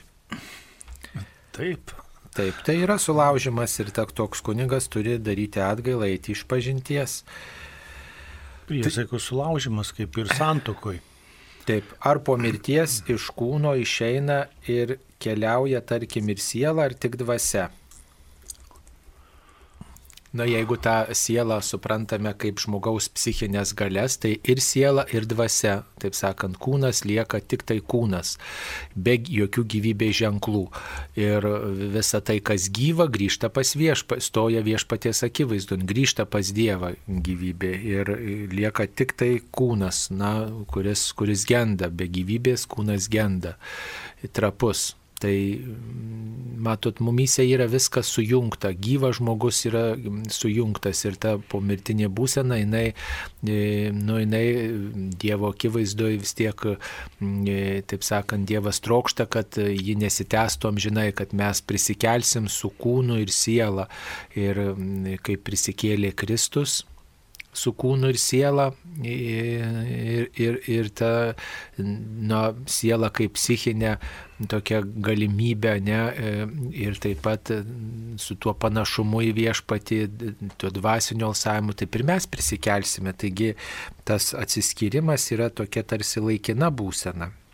Bet tas laikinumas gali tęstis ilgai, bet žinom, kad Dievui tas ilgai gali atrodyti labai trumpai, mums tik tai čia tas laikas yra čia trumpa, čia ilga, bet Dievui tai mm, mes esam svarbus su savo kūnu ir savo siela, nes Dievas mūsų kūnų sukūrė ir trokšta, kad mes būtume e, taip pat e, bendradarbė jo ir su kūnu, nu, ir su siela, kad netmestume šios Dievo dovanos. E, žurnale Mylėkime vienas kitą buvo straipsnis apie rytų kovos menus, kuriame du kunigai ir vienuolė paliudijo, kad jiems reikėjo išlaisvinimo egzortų po rytų kovos menų. Kodėl rytų kovos menai yra katalikiškose mokyklose ir ką daryti, kad jų ten nebūtų?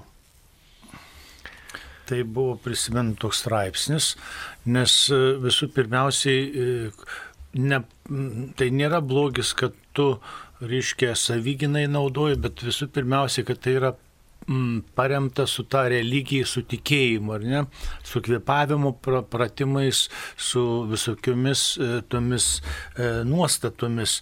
Ir aišku, ir egzorcistai tą sako, reiškia prisirišimas, čia toks yra kaip ir, ir savotiškas puikybės pasireiškimas, tu sek, kad aš savo jėga, savo gale, reiškia, bandau įveikti ir taip toliau. Ir esu girdėjęs iš egzorcistų ir tie, pavyzdžiui, kodėl yra joga, yra Šiaip fizinis pratimas pats į savęs nėra blogas, ar ne, bet joga yra sujungta į visą kompleksą, ar ne, kvėpavimas, atsiverimas tų čakrų ir taip toliau, tos jėgos valdymas ir aišku visokie reikiai, fenkšų ir taip toliau, čia yra toks visas kompleksas, per kuriuos veikia, reiškia, būtent e, tas e, piktojo demonas, ar ne? Todėl ir ypač pakrikštytiesiems, galbūt, e, aišku, yra tokie ir sambo, ir, ir, ir, ir kiti dalykai, tokie savyginos, kurie, nu, kurie galbūt nieko blogo ir nedaro, bet, bet čia iš rytų tą, rytų tą filosofiją, kiek egzorcistų girdėjau, pavyzdžiui, ten kitame žurnale buvo mylėkite viens kitą toks jogos liūdėjimas, kai jaunuolis pradėjo praktikuoti jogą jam sveikata pagerėjo iš pradžių ir, ir fiziškai, ir viskas taip, jis toks, nes joga toks yra atsiribojimas, toks įimas link vienu, vienišumo, tu atsiriboji, tu pats savo kvėpavimu, tu tarsi esi gyvybė ir kuri pats save, ir po kurio laiko, reiškia, pradėjo irti psichika, pradėjo irti ir reiškia ir sveikata ir taip toliau. Ir jam reikėjo daug, kol suvokė ir įsivadavo iš to, iš to kaip sakant, iš to dvasinio e, būdo. Ir e, tėvas Stanislavas ypač sako, sako, sako jums e, ir sako, kaip jis sakydavo, reiškia, sako, ta rytų jums meditacija, filosofija yra jūsų siela, ar ne? Ir galime prisiminti ir amžinatelis labai nuostabi e, rašytojai Jurgai Ivanauskaitė, kuri važiavo į Tibetą pas Dalai Lama, jos knyga yra išleista apie tai ar ne. Ir Dalai Lama pasako, mergaitė, ne tau budizmą, sako, grįžk, jinai galvoja, bus tokia kažkokia iškilminga, tokia elitinė ir taip toliau, ten rytai, kažkas šviesa ir taip toliau. Dalai Lama, aišku, išmintingas žmogus, sako, grįžk į krikščionybę, sako, nes tau nebus gerai. Ne? Tokie galbūt tokie paliūdėjimai yra, kad kaž, kažkas tuose dalykuose nėra gerai, ar ne, yra daug sporto šakų įvairių, iš tikrųjų krepšinis, aš galvoju, kad kai, kai krepšinį žaidži, tai tau nereikia išlaisvinimo, aš galvoju, tos anukus, aišku, aš pats treniravausi ir karate, ir taikvondo, ką, ką aš pajaučiau e, ir esu treniravęs, tokia vykstusi agresija, toks kažkoks pasipuikavimas, aš esu pats iš savęs patyręs, todėl galbūt tuos anukus, savo vaikus galėtų nukreipti, pavyzdžiui, arba treniravausi boksą, ar ne, kažkada jaunystėje ir fizinis sako, sako, vaikeli tau, jis labai protingas žmogus, sako, vaikeli geriau bėgu jo krosą, sako, tau atidaužys smegenis, sako, ir iš tavęs nieko gero nebliks. Tai paprastas dalykas, leiskite kitus burelius ir tiesiog, no. tiesiog neleiskite tuos burelius, kuriuose tas vat, smurtas propaguojamas ir kitas dalykas, kurie turi tokį prieskonį kito, kitoniškų vertybių, kurios mums nepriimtinos. Mes dar vienas atsitikimas iš e, Jurbarko neseniai jis, reiškia, ta, taikvando, kuris ar karate, čia buvo tas skandalas, treniravo ir po to tas vaikinukas, reiškia, trenerių sūnų, ne trenerių sūnus sumušė, reiškia, tą merginą sužalojo. Čia buvo skandalas, tai irgi toks ženklas. Vaja, vaja, taip, tai mums paskambino. Paskambino Liuda iš Vilniaus rajono. Taip, klauskite. Galėjai sakyti, tai aš norėčiau klausti Vincento Tomašausko vienuolio kunigo tiesiai. Ar galiu? Prašau.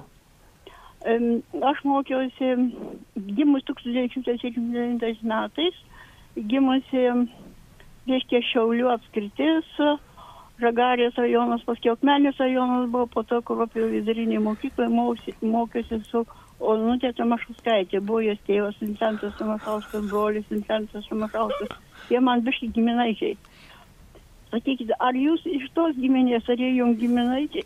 Ne, ne, aš esu nuo, nuo Klaipėdos rajono, nuo Klaipėdos maždaug garždai, ten mano visi ir seneliai iš mamos, iš tėvelio pusės ir iš tikrųjų, nu, gal kažkoks netyčia kažkur kažkaip tai, bet, bet Nu tai, mėloji klausytoja, jūs nuvykite į Jurbarko rajoną, Paulių kaimą ir ten savo genealoginį medį nusiveškite ir įsiaiškinsite giminystę.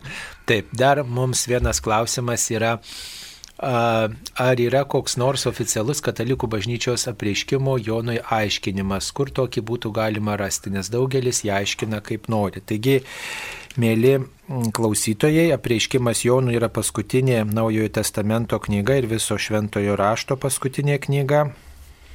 Ir tiesiog yra toks įvadas prieš šitą knygą e, ekumeniniam leidime ir taip pat e, šitą mm, Lietuvos viskupų konferencijos leidime, tiksliau tariant, yra įvadas ir ten puikiausiai išdėstytas tas mm, e, oficialus mokymas trumpai, trumpai mums priimtinas ir, ir tiesiog trumpai galim pasakyti, kad šita knyga skaitoma kaip pilna simbolių ir tai yra e, paliūdėjimas, jog na, mūsų gyvenimas tiesiog turi tam tikrą atbaigą, turėsim duoti apskaitą ir kad e, perspėjimas tai yra vengti nuodėmės, nes ta nuodėmė atveda prie griūties ir kad tai yra padrasinimas tiems, kurie mato kitų žmonių gyvenime gal netinkamus dalykus, padrasinimas laukti susitikimo su Kristumi. Ir tiesiog esam kviečiami e, suprasti, kad tikrai nebūsim šiam pasaulyje amžinai ir kad Jėzus lydi mus, bet e, taip pat ir stosim prieš viešpatį. Tai va taip trumpai atsakytume.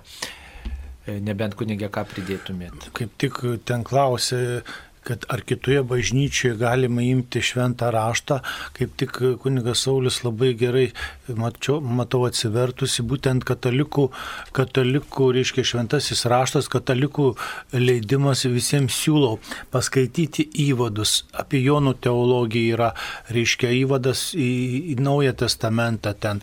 Ir, ir kaip tik yra prierašai prie tam tikrų eilučių, ką tai reiškia, kaip suvokti. Reiškia, katalikai duoda platesnę ir jeigu įvadą gerai pastudijuosim, būtent visi įvadai yra, ne, kad mes suvoktume, ką tai reiškia ir kaip. Taip, mums paskambino.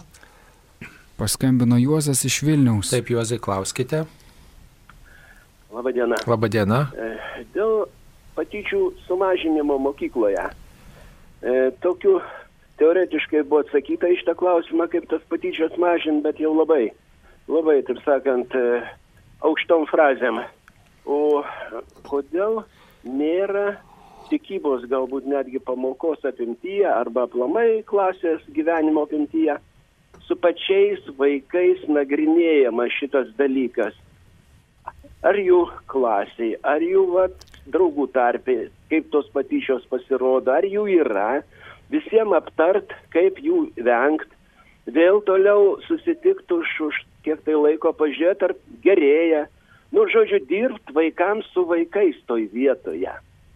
Kad patys vaikai pasakytų, žinot, mokytoja, jau mūsų klasėje jokių patyčių nėra, nieks čia nesityčia, visi vaikai draugiški, vienas kitam padedam. Arba, nu, dar, vat, e, kaip čia, pasitaiko, nu, bet mes jau visi matom, visi stengiamės ir taip toliau.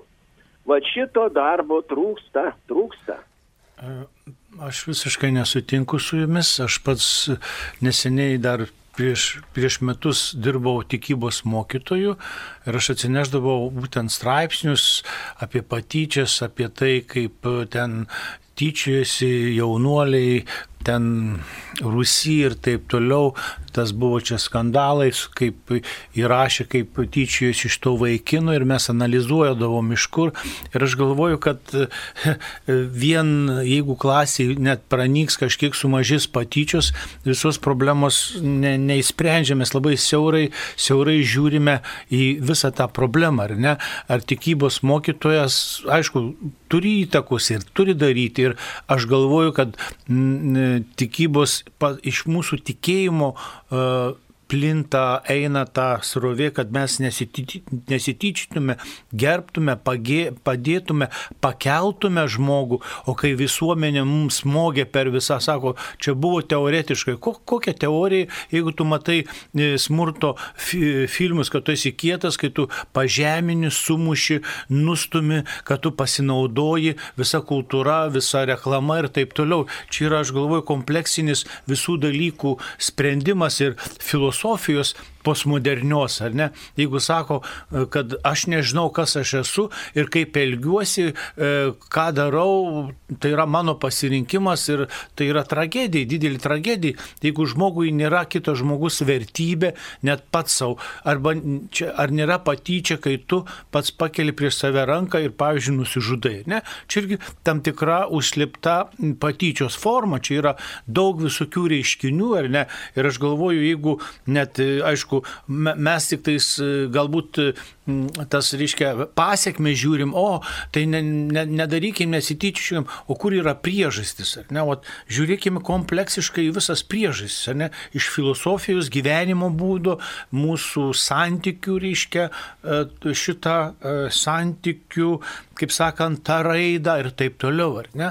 Va. Ir ne tik tai čia tikybos, tikybos dalykas yra, čia yra bendra žmogiškas dalykas ir etikos mokytojai lygiai taip pat apie tą patį turėtų kalbėti ir kitų dalykų mokytojai. Ir kalba. Jeigu, jeigu tik tai viena tikyba ten kalbės, tai čia tiesiog čia turėtų tėvai kalbėti su mokytojais ir apskritai vengti ir šeimose bet kokių patyčių ir mamos, ir tėčio atžvilgių, ir vaikų, ir to žmogaus, kuris, sakykime, gal gatvėje elgesi netinkamai, štai, kad iš jo nesišaipyti ir nepaniekint. Kas iš to, jeigu mes, sakysim, mokykloje nesityčiokit, nesityčiokit, bet tėtis mašinoje įlipęs vaiką paėmęs štai į mašiną, apie kitą vairuotoją nepagarbiai atsilieps su savo žmona. Tai tada visos, visi tie pamokymai, ką tikybos mokytojai ar kiti mokytojai e, pasakė, bus veltui. Tai čia yra bendra nuostata. Jeigu yra daugybė humoristinių laidų, kuriuose šaipomasi, niekinama žmogus, kit, kitaip manantis, ten laikraščiai kartais taip įsidarko, įsityčioja iš visokių kitų iš tikinčiųjų, iš tikinčiųjų ir, ir, ir, ir iš, poli, ten, ir iš kitų žmonių. Tai, tai čia yra bendra visuomenės nuostata tokia ir, ir, ir mokyklose yra vis dėlto apie tai kalbama. Jūs neteisus, yra net specialios jeigu... valandėlės skirtas patyčiom. Taip. Savaitė be patyčių ir klasės vadovai, kiek žinau, turi vesti tas lai, kalbėtis, aiškintis ir ta, ta, tie dalykai yra mokykloje vykdomi, o, kokio, o kokie o, o pasiekmes, kiek, kiek kam, kokios įtakos yra, nu ką, visų pirmiausia, reikia pradėti nuo savęs, kurti pagarbos kultūrą vienas kitam, pradedant žiniasklaidą, laidomis ir visą mūsų filosofinę nuostatą. Mes kaip krikščionis iš esmės, aišku, gailimės, jeigu aš apšmeižiu, apkalbu, jau irgi patyčia, ne, kad aš tą niekinu žmogų, ne? Tai vat, mes einam tą kryptim, o yra tam tikri post, post jau galim sakyti, postmodernus, reiškia, tos rovės, kurios žmogų a, kaip, ne kaip šiukšlė, bet kaip kokia priemonė, vat, kaip sakau, moter žeminimas, suredukavimas, pasinaudojimas žaisliukas, darbi, kaip darbo kodeksas dabartinis, reiškia, kad e, tai yra irgi kai tu nesumokė algos, kai tu nuslėpė algą, kad tu tyčiojasi savo darbuotoją, ne žemė, nu tai čia yra visą, visą Nu, gamą. bendrai yra tas toks e, visuomeniai nuostata, kad tu turi būti linksmas, šmaikštus, tu iš pasišaip, pasišaipyti, tai tada tu yra, esi priimamas, tada, tada bendraujant, bendraujama su tavim, tada tu esi populiarus, mielas, va toks žaismingas, hihaha. Tai irgi patyčių kultūros yra dalis. Ir tada na, mes nejaučiam, kur tas ribas peržengiam. Vieną humorėlį šiaip svaidyti, o kita yra, reiškia, visai, visai greitai galima prieiti prie kito žmogaus žeminimo. Tai čia yra bendra nuostata, ne tik vienos tikybos mokytojos turėtų būti užduotis, bet visos visuomenės.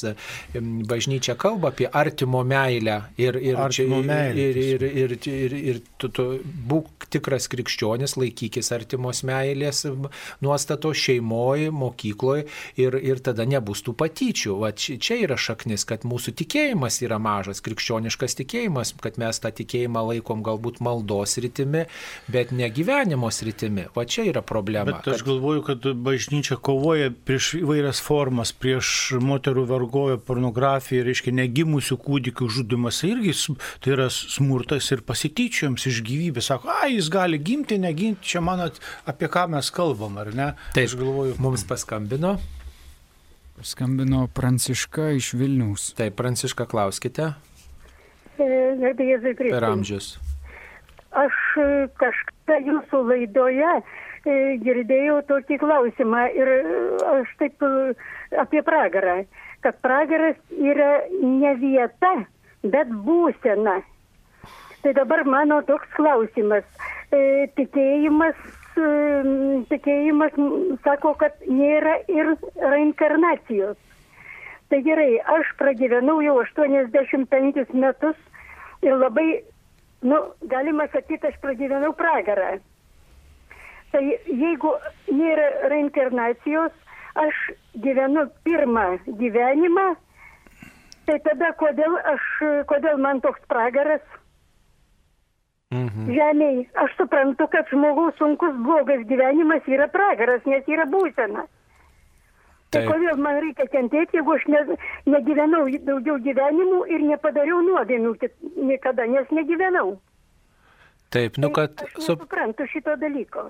Taip, nu, žinot, ačiū tikrai e, skaudu ir liūdna, kad jūsų gyvenimas buvo sunkus, kad e, patyrėte daug e, tokios pragaro tikrovės, kaip jūs ją įvardinate, tačiau, sakyčiau, vis tiek ne, nepasilikim tokiam liūdnam žvilgsnį į savo gyvenimą. Aš tai nelabai tikiu, kad jūs nesutikote gerų žmonių, nei vieno gero žmogaus nesutikot. Štai klausoties Marijos radijo, negi jums ne vienas žmogus, kuris e, štai kalba per Marijos radiją, nepasėjo vilties, negi jūs niekam pati nepadarėt gero darbo, e, negi jūs pati nepatyrėt gerumo iš kokio, mm, nu, kad ir labai mažo žmogaus atsitiktinio, negi jums niekas nepavaišino, pavyzdžiui, jūsų, negi nepasakė gero žodžio, nenusišypsojo niekas jums. Tai sakydami, kad mes pragarą išgyvenom ir čia buvo pragaras, mes nu, truputį gal sutirštinam. Taip, aš sutinku, kad gal buvo daug nuoskaudų gyvenime, daug buvo skriaudų, gal jūs pažemino kažkas e, liūdna buvo, bet Tikrai buvo ir šviesių momentų jūsų gyvenime, tikrai buvo šviesių momentų, kad ir šitie laisvės metai, negi jie nepadvelkė dangum, negi nepadvelkė tokiu palaiminimu jums. Štai jūs klausotės Marijos radio, reiškia, turite tikėjimą, turite vilties e, savo gyvenime ir tai nėra pragaras, nėra pragaras, tikrai patikėkit, pragaras yra kur kas baisiau ir, ir mes truputį sutirštinam, kai sakom pragarą išgyvenom. Net tie žmonės, kurie buvo kalėjime, ten buvo patyrę tikrai tokį nužmoginimą ir tai įvardina, kad buvo ir žiūrėk ir prižiūrėtojas ten kažką suprato, pa, pasakė gero ir, ir, ir, ir kažkoks kalinys ten jie, juos, jų pagailėjo, užjautė, nu tai va dangaus blyksniai tokie. Ir, ir žmogus, jeigu vis tiek meldėsi ten tomis aplinkybėmis, tai yra dangaus artuma. O kodėl taip yra, kad vieni žmonės turi skaudžiai kentėti, kiti, kiti ne, tai mes nu, nežinom šito dalyko. Tik yra vienas dalykas, kad vis tiek žmogus yra kviečiamas nenustoti vilties ir įprasminti savo skausmą. Už tai ir yra tikėjimas, vienijimas su kenčiančiu Kristumi. Ir tikrai patikėkite, jeigu jūs tikėjimą išlaikysite, tai to pragaro būsena jinai nesitęs. Anapus mirties jūs atrasite prasme visų savo kančių per Kristaus kryžių, per jo prisikėlimą, atrasite šviesą, jeigu jūs tikėsite, melsitės, jeigu jūs kažkaip prašysite Dievo tiem žmonėms, kurie jūs įskaudino, jeigu jūs melsitės už juos, linkėsite jiems tikrai, kad viešpats jų pasigailėtų, viešpats keistų jų gyvenimą, jeigu tie žmonės žmonės dar gyvi, kad jie keistųsi patys, tai tikrai jūs prisidėsite prie dangaus karalystės statybo žemėje ir, ir prie dangaus tikrovės. Tai m, mm, tikrai remkitės į Dievą, ką galime pasakyti. Už tai mums tikėjimas reikalingas, kad mūsų tą kančią įprasmintų, mūsų kančiai atvertų vartus, nepaliktų mūsų to, to, toj beprasmiškoj kančioj. Va, kai žmogus nustoja vilties, kai to, ta, ties ta kančia pasilieka, na, tai tos kelias į dangų užsiveria. Visiškai pritariu kunigui Sauliui, aišku, aš irgi praktiškai Jeigu tai pažiūrėčiau ir savo kunigas Saulis, kiekvienas žmogus, ar, ar būtų milijardierius, ar milijonierius, ar prezidentas, ar šlavėja, turi daug patyrę ir patirs daug kančių. Net vaikas, kuris išaugintas, reiškia, tokioje idealioje šeimoje, ar ne, pavyzdžiui, galim prisiminti būdą, ar nesaugoju nuo, nuo reiškia, visokių, visokių kančių, visokių nesusipratimų ir kai jis išėjo į gyvenimą, pamatė siaubą, ar ne? Tai, vat, tai, tai yra tokia realybė, tik tais, pavyzdžiui, aš toks įvykis, dabar prisimenu tokia, galbūt tokia mintį, na ir pavyzdžiui, man buvo sulūžusi koja praeitais metais, ne? Gulėjimas, operacija, skausmas, kančia, kodėl kaip įvyko, ar ne? Ir paskui permastai, kad tau yra iš tikrųjų tau kaip ženklas, kaip, kaip reiškia tam Dievo pirštas, kad tu biški sustotum, susimastytum ir taip toliau. Ir galvoju, aš aš iš savo pusės matau, kad Jėzus nešė kryžių ar ne, tai parodė mūsų krikščioniško gyvenimo, kaip sakant, kryptį ar ne, kad be kryžiaus nėra išganimo ar ne, nėra apvalymo ar ne, sako, kodėl man duotas kryžius.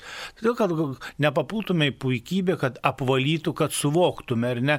Ir aišku, čia yra toks troškimas, kad aš noriu gyventi labai gerai ir maloniai, bet ar gyvenimas gerai ir maloniai, ta prasme, yra iš tikrųjų geras ir naudingas mums gyvenimas, o tokia, reiškia, reinkarnacija. Aš dabar kentėjau, kitame gyvenime būsiu gerai. Aišku, kad kitas gyvenimas laukia, aišku, dangus, tikėkime ar ne, ir taip toliau, kai jūs susitiksite, reiškia, kaip Jonas rašo savo laiškė, sako, nei akis neregėjo, nei, nei žmogus nesuprato, ką Dievas mums paruošė amžinybei. Kai būsime amžinybei, sakys, čia, ką mes išgyvenom, čia buvo cirkas, čia buvo niekas tas, tas kas laukia mūsų. Ir reinkarnacija, pasakykime, yra, ot, žmog, tai yra, nu, galiu pasakyti, aišku, nenoriu išeiti šitos tikinčiųjų, bet reinkarnacija yra pasityčiamas iš žmogaus asmens paniekinimas, pažeminimas. Net buvai šuniu, buvai akmeniu, buvai tuo, ai, apsivalys ir taip toliau, ar ne? Aš galvoju, kad toks mąstymas irgi, mes kalbam apie patyčias, tai nėra, žmogus yra nelykstamas asmuo, kuris yra sukurtas amžinybėje, kaip Raneris teologas sako, jeigu aš sakau, aš tave myliu, mes visai kitaip suprantame, aš tave myliu, tai reiškia, tu gyvensi amžinai, ne? Dievas sako, aš tave myliu, sukūriau, tu esi jau amžinas, aš tau dovanoju amžinybę. Taip, mums paskambino.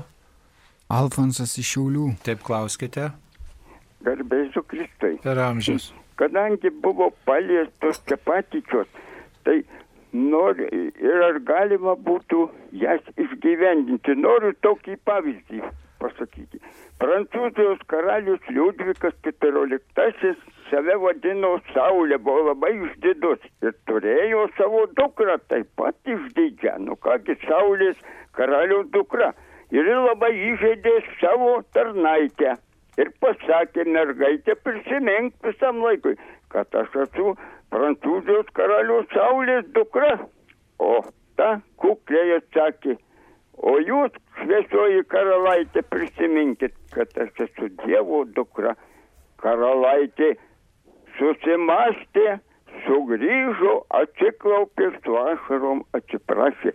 Ko reikia? Reikia, kad tikybą dėstytų pas mus. kas mes esame. Taip. Ot, ir būtų, Suprantama. ir būtų daug lengviau su jom kovoti. Labai ačiū, kad jūs e, šitą klausimą keliate. Tikyba dėstoma mokyklose ir tas, kas nori, ją pasirenka. Tačiau tikybos mokytojų trūksta, trūksta tų žmonių, kurie galėtų išmintingai dėstyti ir, ir surastų dialogą su vaikais. Taigi visi kviečiami, tie, kurie gali, kurie norėtų pasiaukoti, e, galbūt pakeisti Dės- savo tarnystę, yra ta galimybė persikvalifikuoti ir sudaromos sąlygos ir Vytauto didžiojo universiteto katalikų teologijos fakultetas sudaro tokias sąlygas ir, žodžiu, tą galima atlikti. O kad išgyvendintos patyčios būtų, tai čia, žinot, nu, man tai truputį nelabai realu, sako, ar galima padaryti taip, kad nebūtų nuodėmių pasaulyje. Aišku, galima, jeigu žmonės visi pasirinktų mylėti daugiau, artimo meilės daugiau turėti, tai ir nebūtų nuodėmių, bet dėja, mums ne visada pavyksta ir nuodėmė yra ta reali tikrovė, kurią mes padarome, tai ir patyčios yra ta pati, ta pati nuodėmės tikrovė. Aš noriu dar sakinį pridėti dėl tų, sako, kad būtų dėstymas tikima, bet yra kita pusė, kai tėveliai girdi tikriausiai kai kurie ir močiutė, močiutė seneliai, kad mažėja vaikų, kurie renkasi tikybą, o čia jau prasideda problema. Ką, ką dėstys mokytojai tikybos, jeigu nieks į jų klasę, kitose mokyklos nes, ne, ne, ne, nesirenka tikybos. Nu, matot, ne tik tai, kad čia tikyba dėstoma, tai viską įspręs. Ar ta tikybos, tas dėstymas yra vertybinis ugdymas, ar tas vertybinis ugdymas turi atgarsį šeimoje, ar tėvai kalbasi apie tas vertybės, ar jas pratėse. Jeigu štai vaikus veda ten į bažnyčią, ar ten į stovyklą kažką, tėvas priima vaiką į mašiną ir sako, susitinka namuose ir sako, tai tau smegenys išplovė turbūt, ar ne? Nu, tai koks, koks tada gali būti tas vertybinis ugdymas, jeigu šeimoje nėra na, tas tęsiama, tas į tai, tai, kaip sakant, atsiliepiama, jeigu, pavyzdžiui, yra, sakykime, tėvų susirinkimas, tėvai kviečiami rekolekcijose dalyvauti, kaip katalikiškose mokyklose būna ir ateina vienas kitas, nes jie neturi laiko. Nu, tai matot vaikai, kad tas požiūris tėvų atsainus, kad tai nereikšminga, nereikalinga ir, ir ką mes norim, kad e, tas vaikų gyvenime duotų vaisių. Jeigu šeimose tas nėra, nėra kažkaip priimama, pratesiama, tai tada tas dėstymas tampa žiniomis, kurios štai numetamos į sandėliuką arba kurios užklojamos kitais įspūdžiais. Taip, e, Dar vienas klausimas. Kaip padėti savo sunoms išsivaduoti nuo kompiuterinių žaidimų priklausomybės? Jiems 28 ir 16 metų niekur nedirba, negali, kur kreiptis pagalbos, jeigu jis nenori, nepripažįsta, kad yra priklausomas. Iš tikrųjų, galiu pasakyti, dirbdamas su priklausomybėmis, kad alkoholis ir narkotikai dabar yra mažesnė blogybė negu priklausomybė nuo virtualių žaidimų, kompiuterių, telefonų, nes iš tikrųjų tai yra blaivas žmogus, kurio jau smegenis pajungtas, pasakykime, visai kita e, eiga. Ką aš galėčiau pa- patarti? Visų pirmiausiai, jeigu ten 16 metis, tai aišku, riboti e, tą mobilų ar internetą ir taip toliau. Ir kitas dalykas - kreiptis į psichologą pagalbos vienareikšmiškai ir berots yra galbūt net terapinės grupės, čia reikėtų pas mūsų mažai tokių pakliūva į mūsų rehabilitacinį centrą. O kitas dalykas, jeigu žmogus suaugęs, jūs galite iki 18 metų daryti vaikų įtaką, ar ne, auklėti, pasakyti, atimti. O 28 metų vyras sako, man atveža žmogų, alkoholį, ne, netveža, sako, aš turiu daryti, mano sunus geria, ten mano vyras, ką daryti. Sako, nu, jis turi priklausomybę, bet jis, e, jis nepripažįsta. Nu ir viskas, kas belieka. Malda arba atsiskirimas, galbūt patalpinimas į kitą realybę, nutraukimas ryšių, kad jis pajustų, kad kažką prarado, kad, ar aš sakau, kaip, kaip išgydyti sūnų. Sakau, o, pasakyti, arba buteliukas, arba šeima. Nori buteliuko, prašom, spyną pakeičiu, vaikeli, eik ir draugauk su buteliuku, kur nori ir kaip nori. Viskas. Čia yra, nu, toks, reikia sprendimus priimti. Ir, ir, o mes dažniausiai tuos žmonės stumėm į lygą, pataikaujam, glostom, vaikeli suprask, tu nori, o jis juokiasi.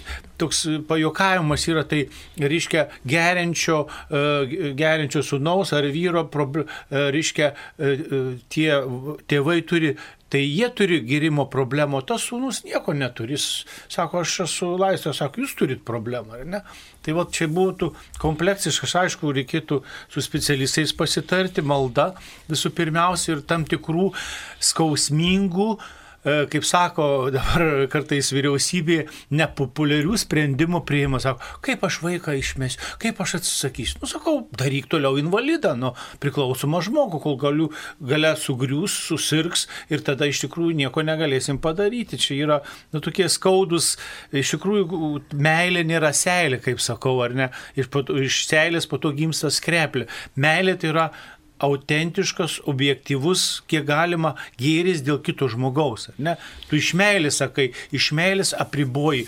Vaiką keli iš, mok, į, iš ryto į mokyklę to, kad, į, kad tu nemyli ar ne ir taip toliau jis nori mėgoti. Tai to, dėl jo gėrio, dėl jo ateities. Tas pats ir tame kontekste ir su priklausomais žmonėmis. Nuvažiuokit į tuos centrus, į tas bendruomenės, ten kurį laiką o. tegul pabūna tas žmogus, kad ir nenori, galbūt jis pa, paklausys ar, ar, ar paliūdėjimo, ar dar kažko su specialistais kalbėsis. Tai Jo. tikrai tokių centrų Ir- yra Lietuvoje. Bet svarbiausia, kad į tuos centrus arba Vilniuje yra nemažai centrų, ten Dvareckas kunigas labai šauniai veikia, Kaune yra, kad pirmiausia atvažiuotų priklausomų žmonių aplinkiniai, kad jie suvoktų, kur jie turi. Jie bando spręsti tokiomis infantiliomis, tokiomis nu, juokingomis problemomis. Taip. E, jaunai šeimai, ką daryti, jei išvaroma iš savo bendruomenės bažnyčios, kunigas taip elgėsi ir kunigai tapo dievais. Nu, nežinom, dėl kokių priežasčių jūs čia išvarė, kaip prašote, ir kas ten įvyko. Tikrai kunigai netapo dievais em, ir nežinia, jeigu įvyko kažkoks konfliktas, tikrai neužkėtinkit savo širdies.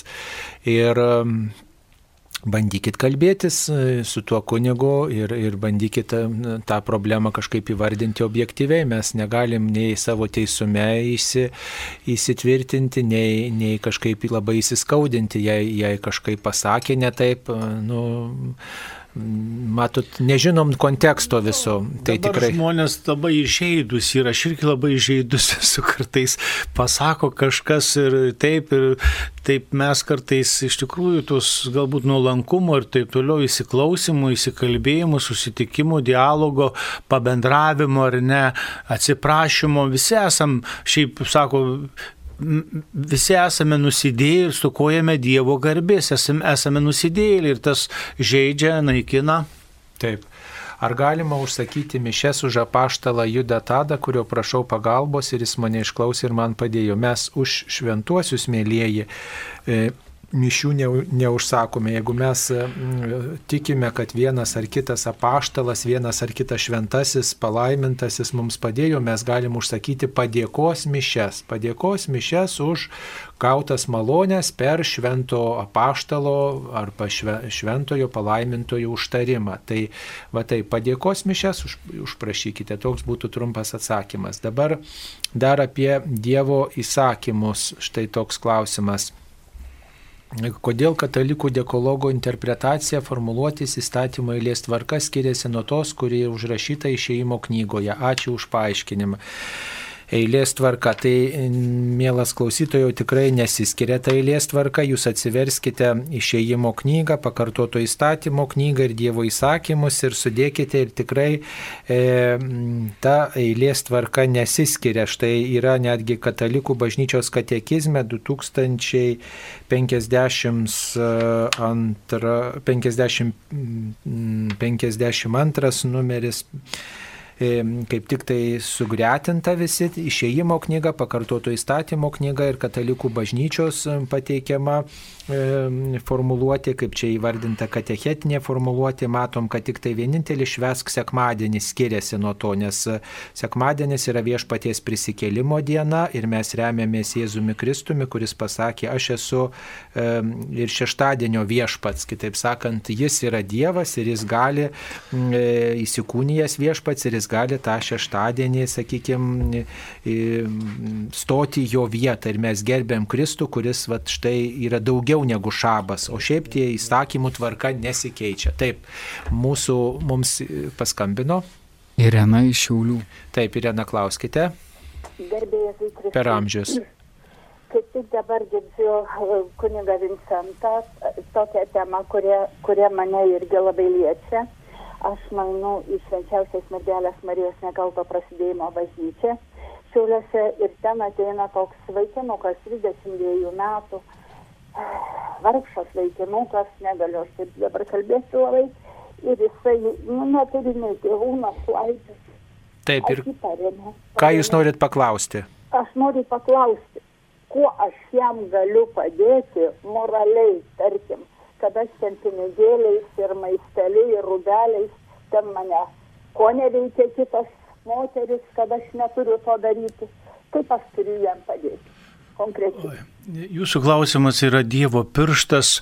Iš tikrųjų, Pone Irena, kviečiu ir kitus e, klausytojus, visus, kurie turi priklausomybę, neturi į mūsų Paulių vienuolyną, turim rekolekcijų namus, galime pasimelsti, pabūti, pasikalbėti ir tą vaikinuką, kurie girdi gatvėje, pasimetę, e, reiškia, be, benamiai, priklausomi našlaičiai, neturintys kur gyventi, Jurbarko rajonas, Paulių kaimo, žvėjų 15, maloniai visus kviečiu kaip, kaip priimsiu, duosiu nakvynę ir nemokamai galėsite pavalgyti, iš tikrųjų pažadu.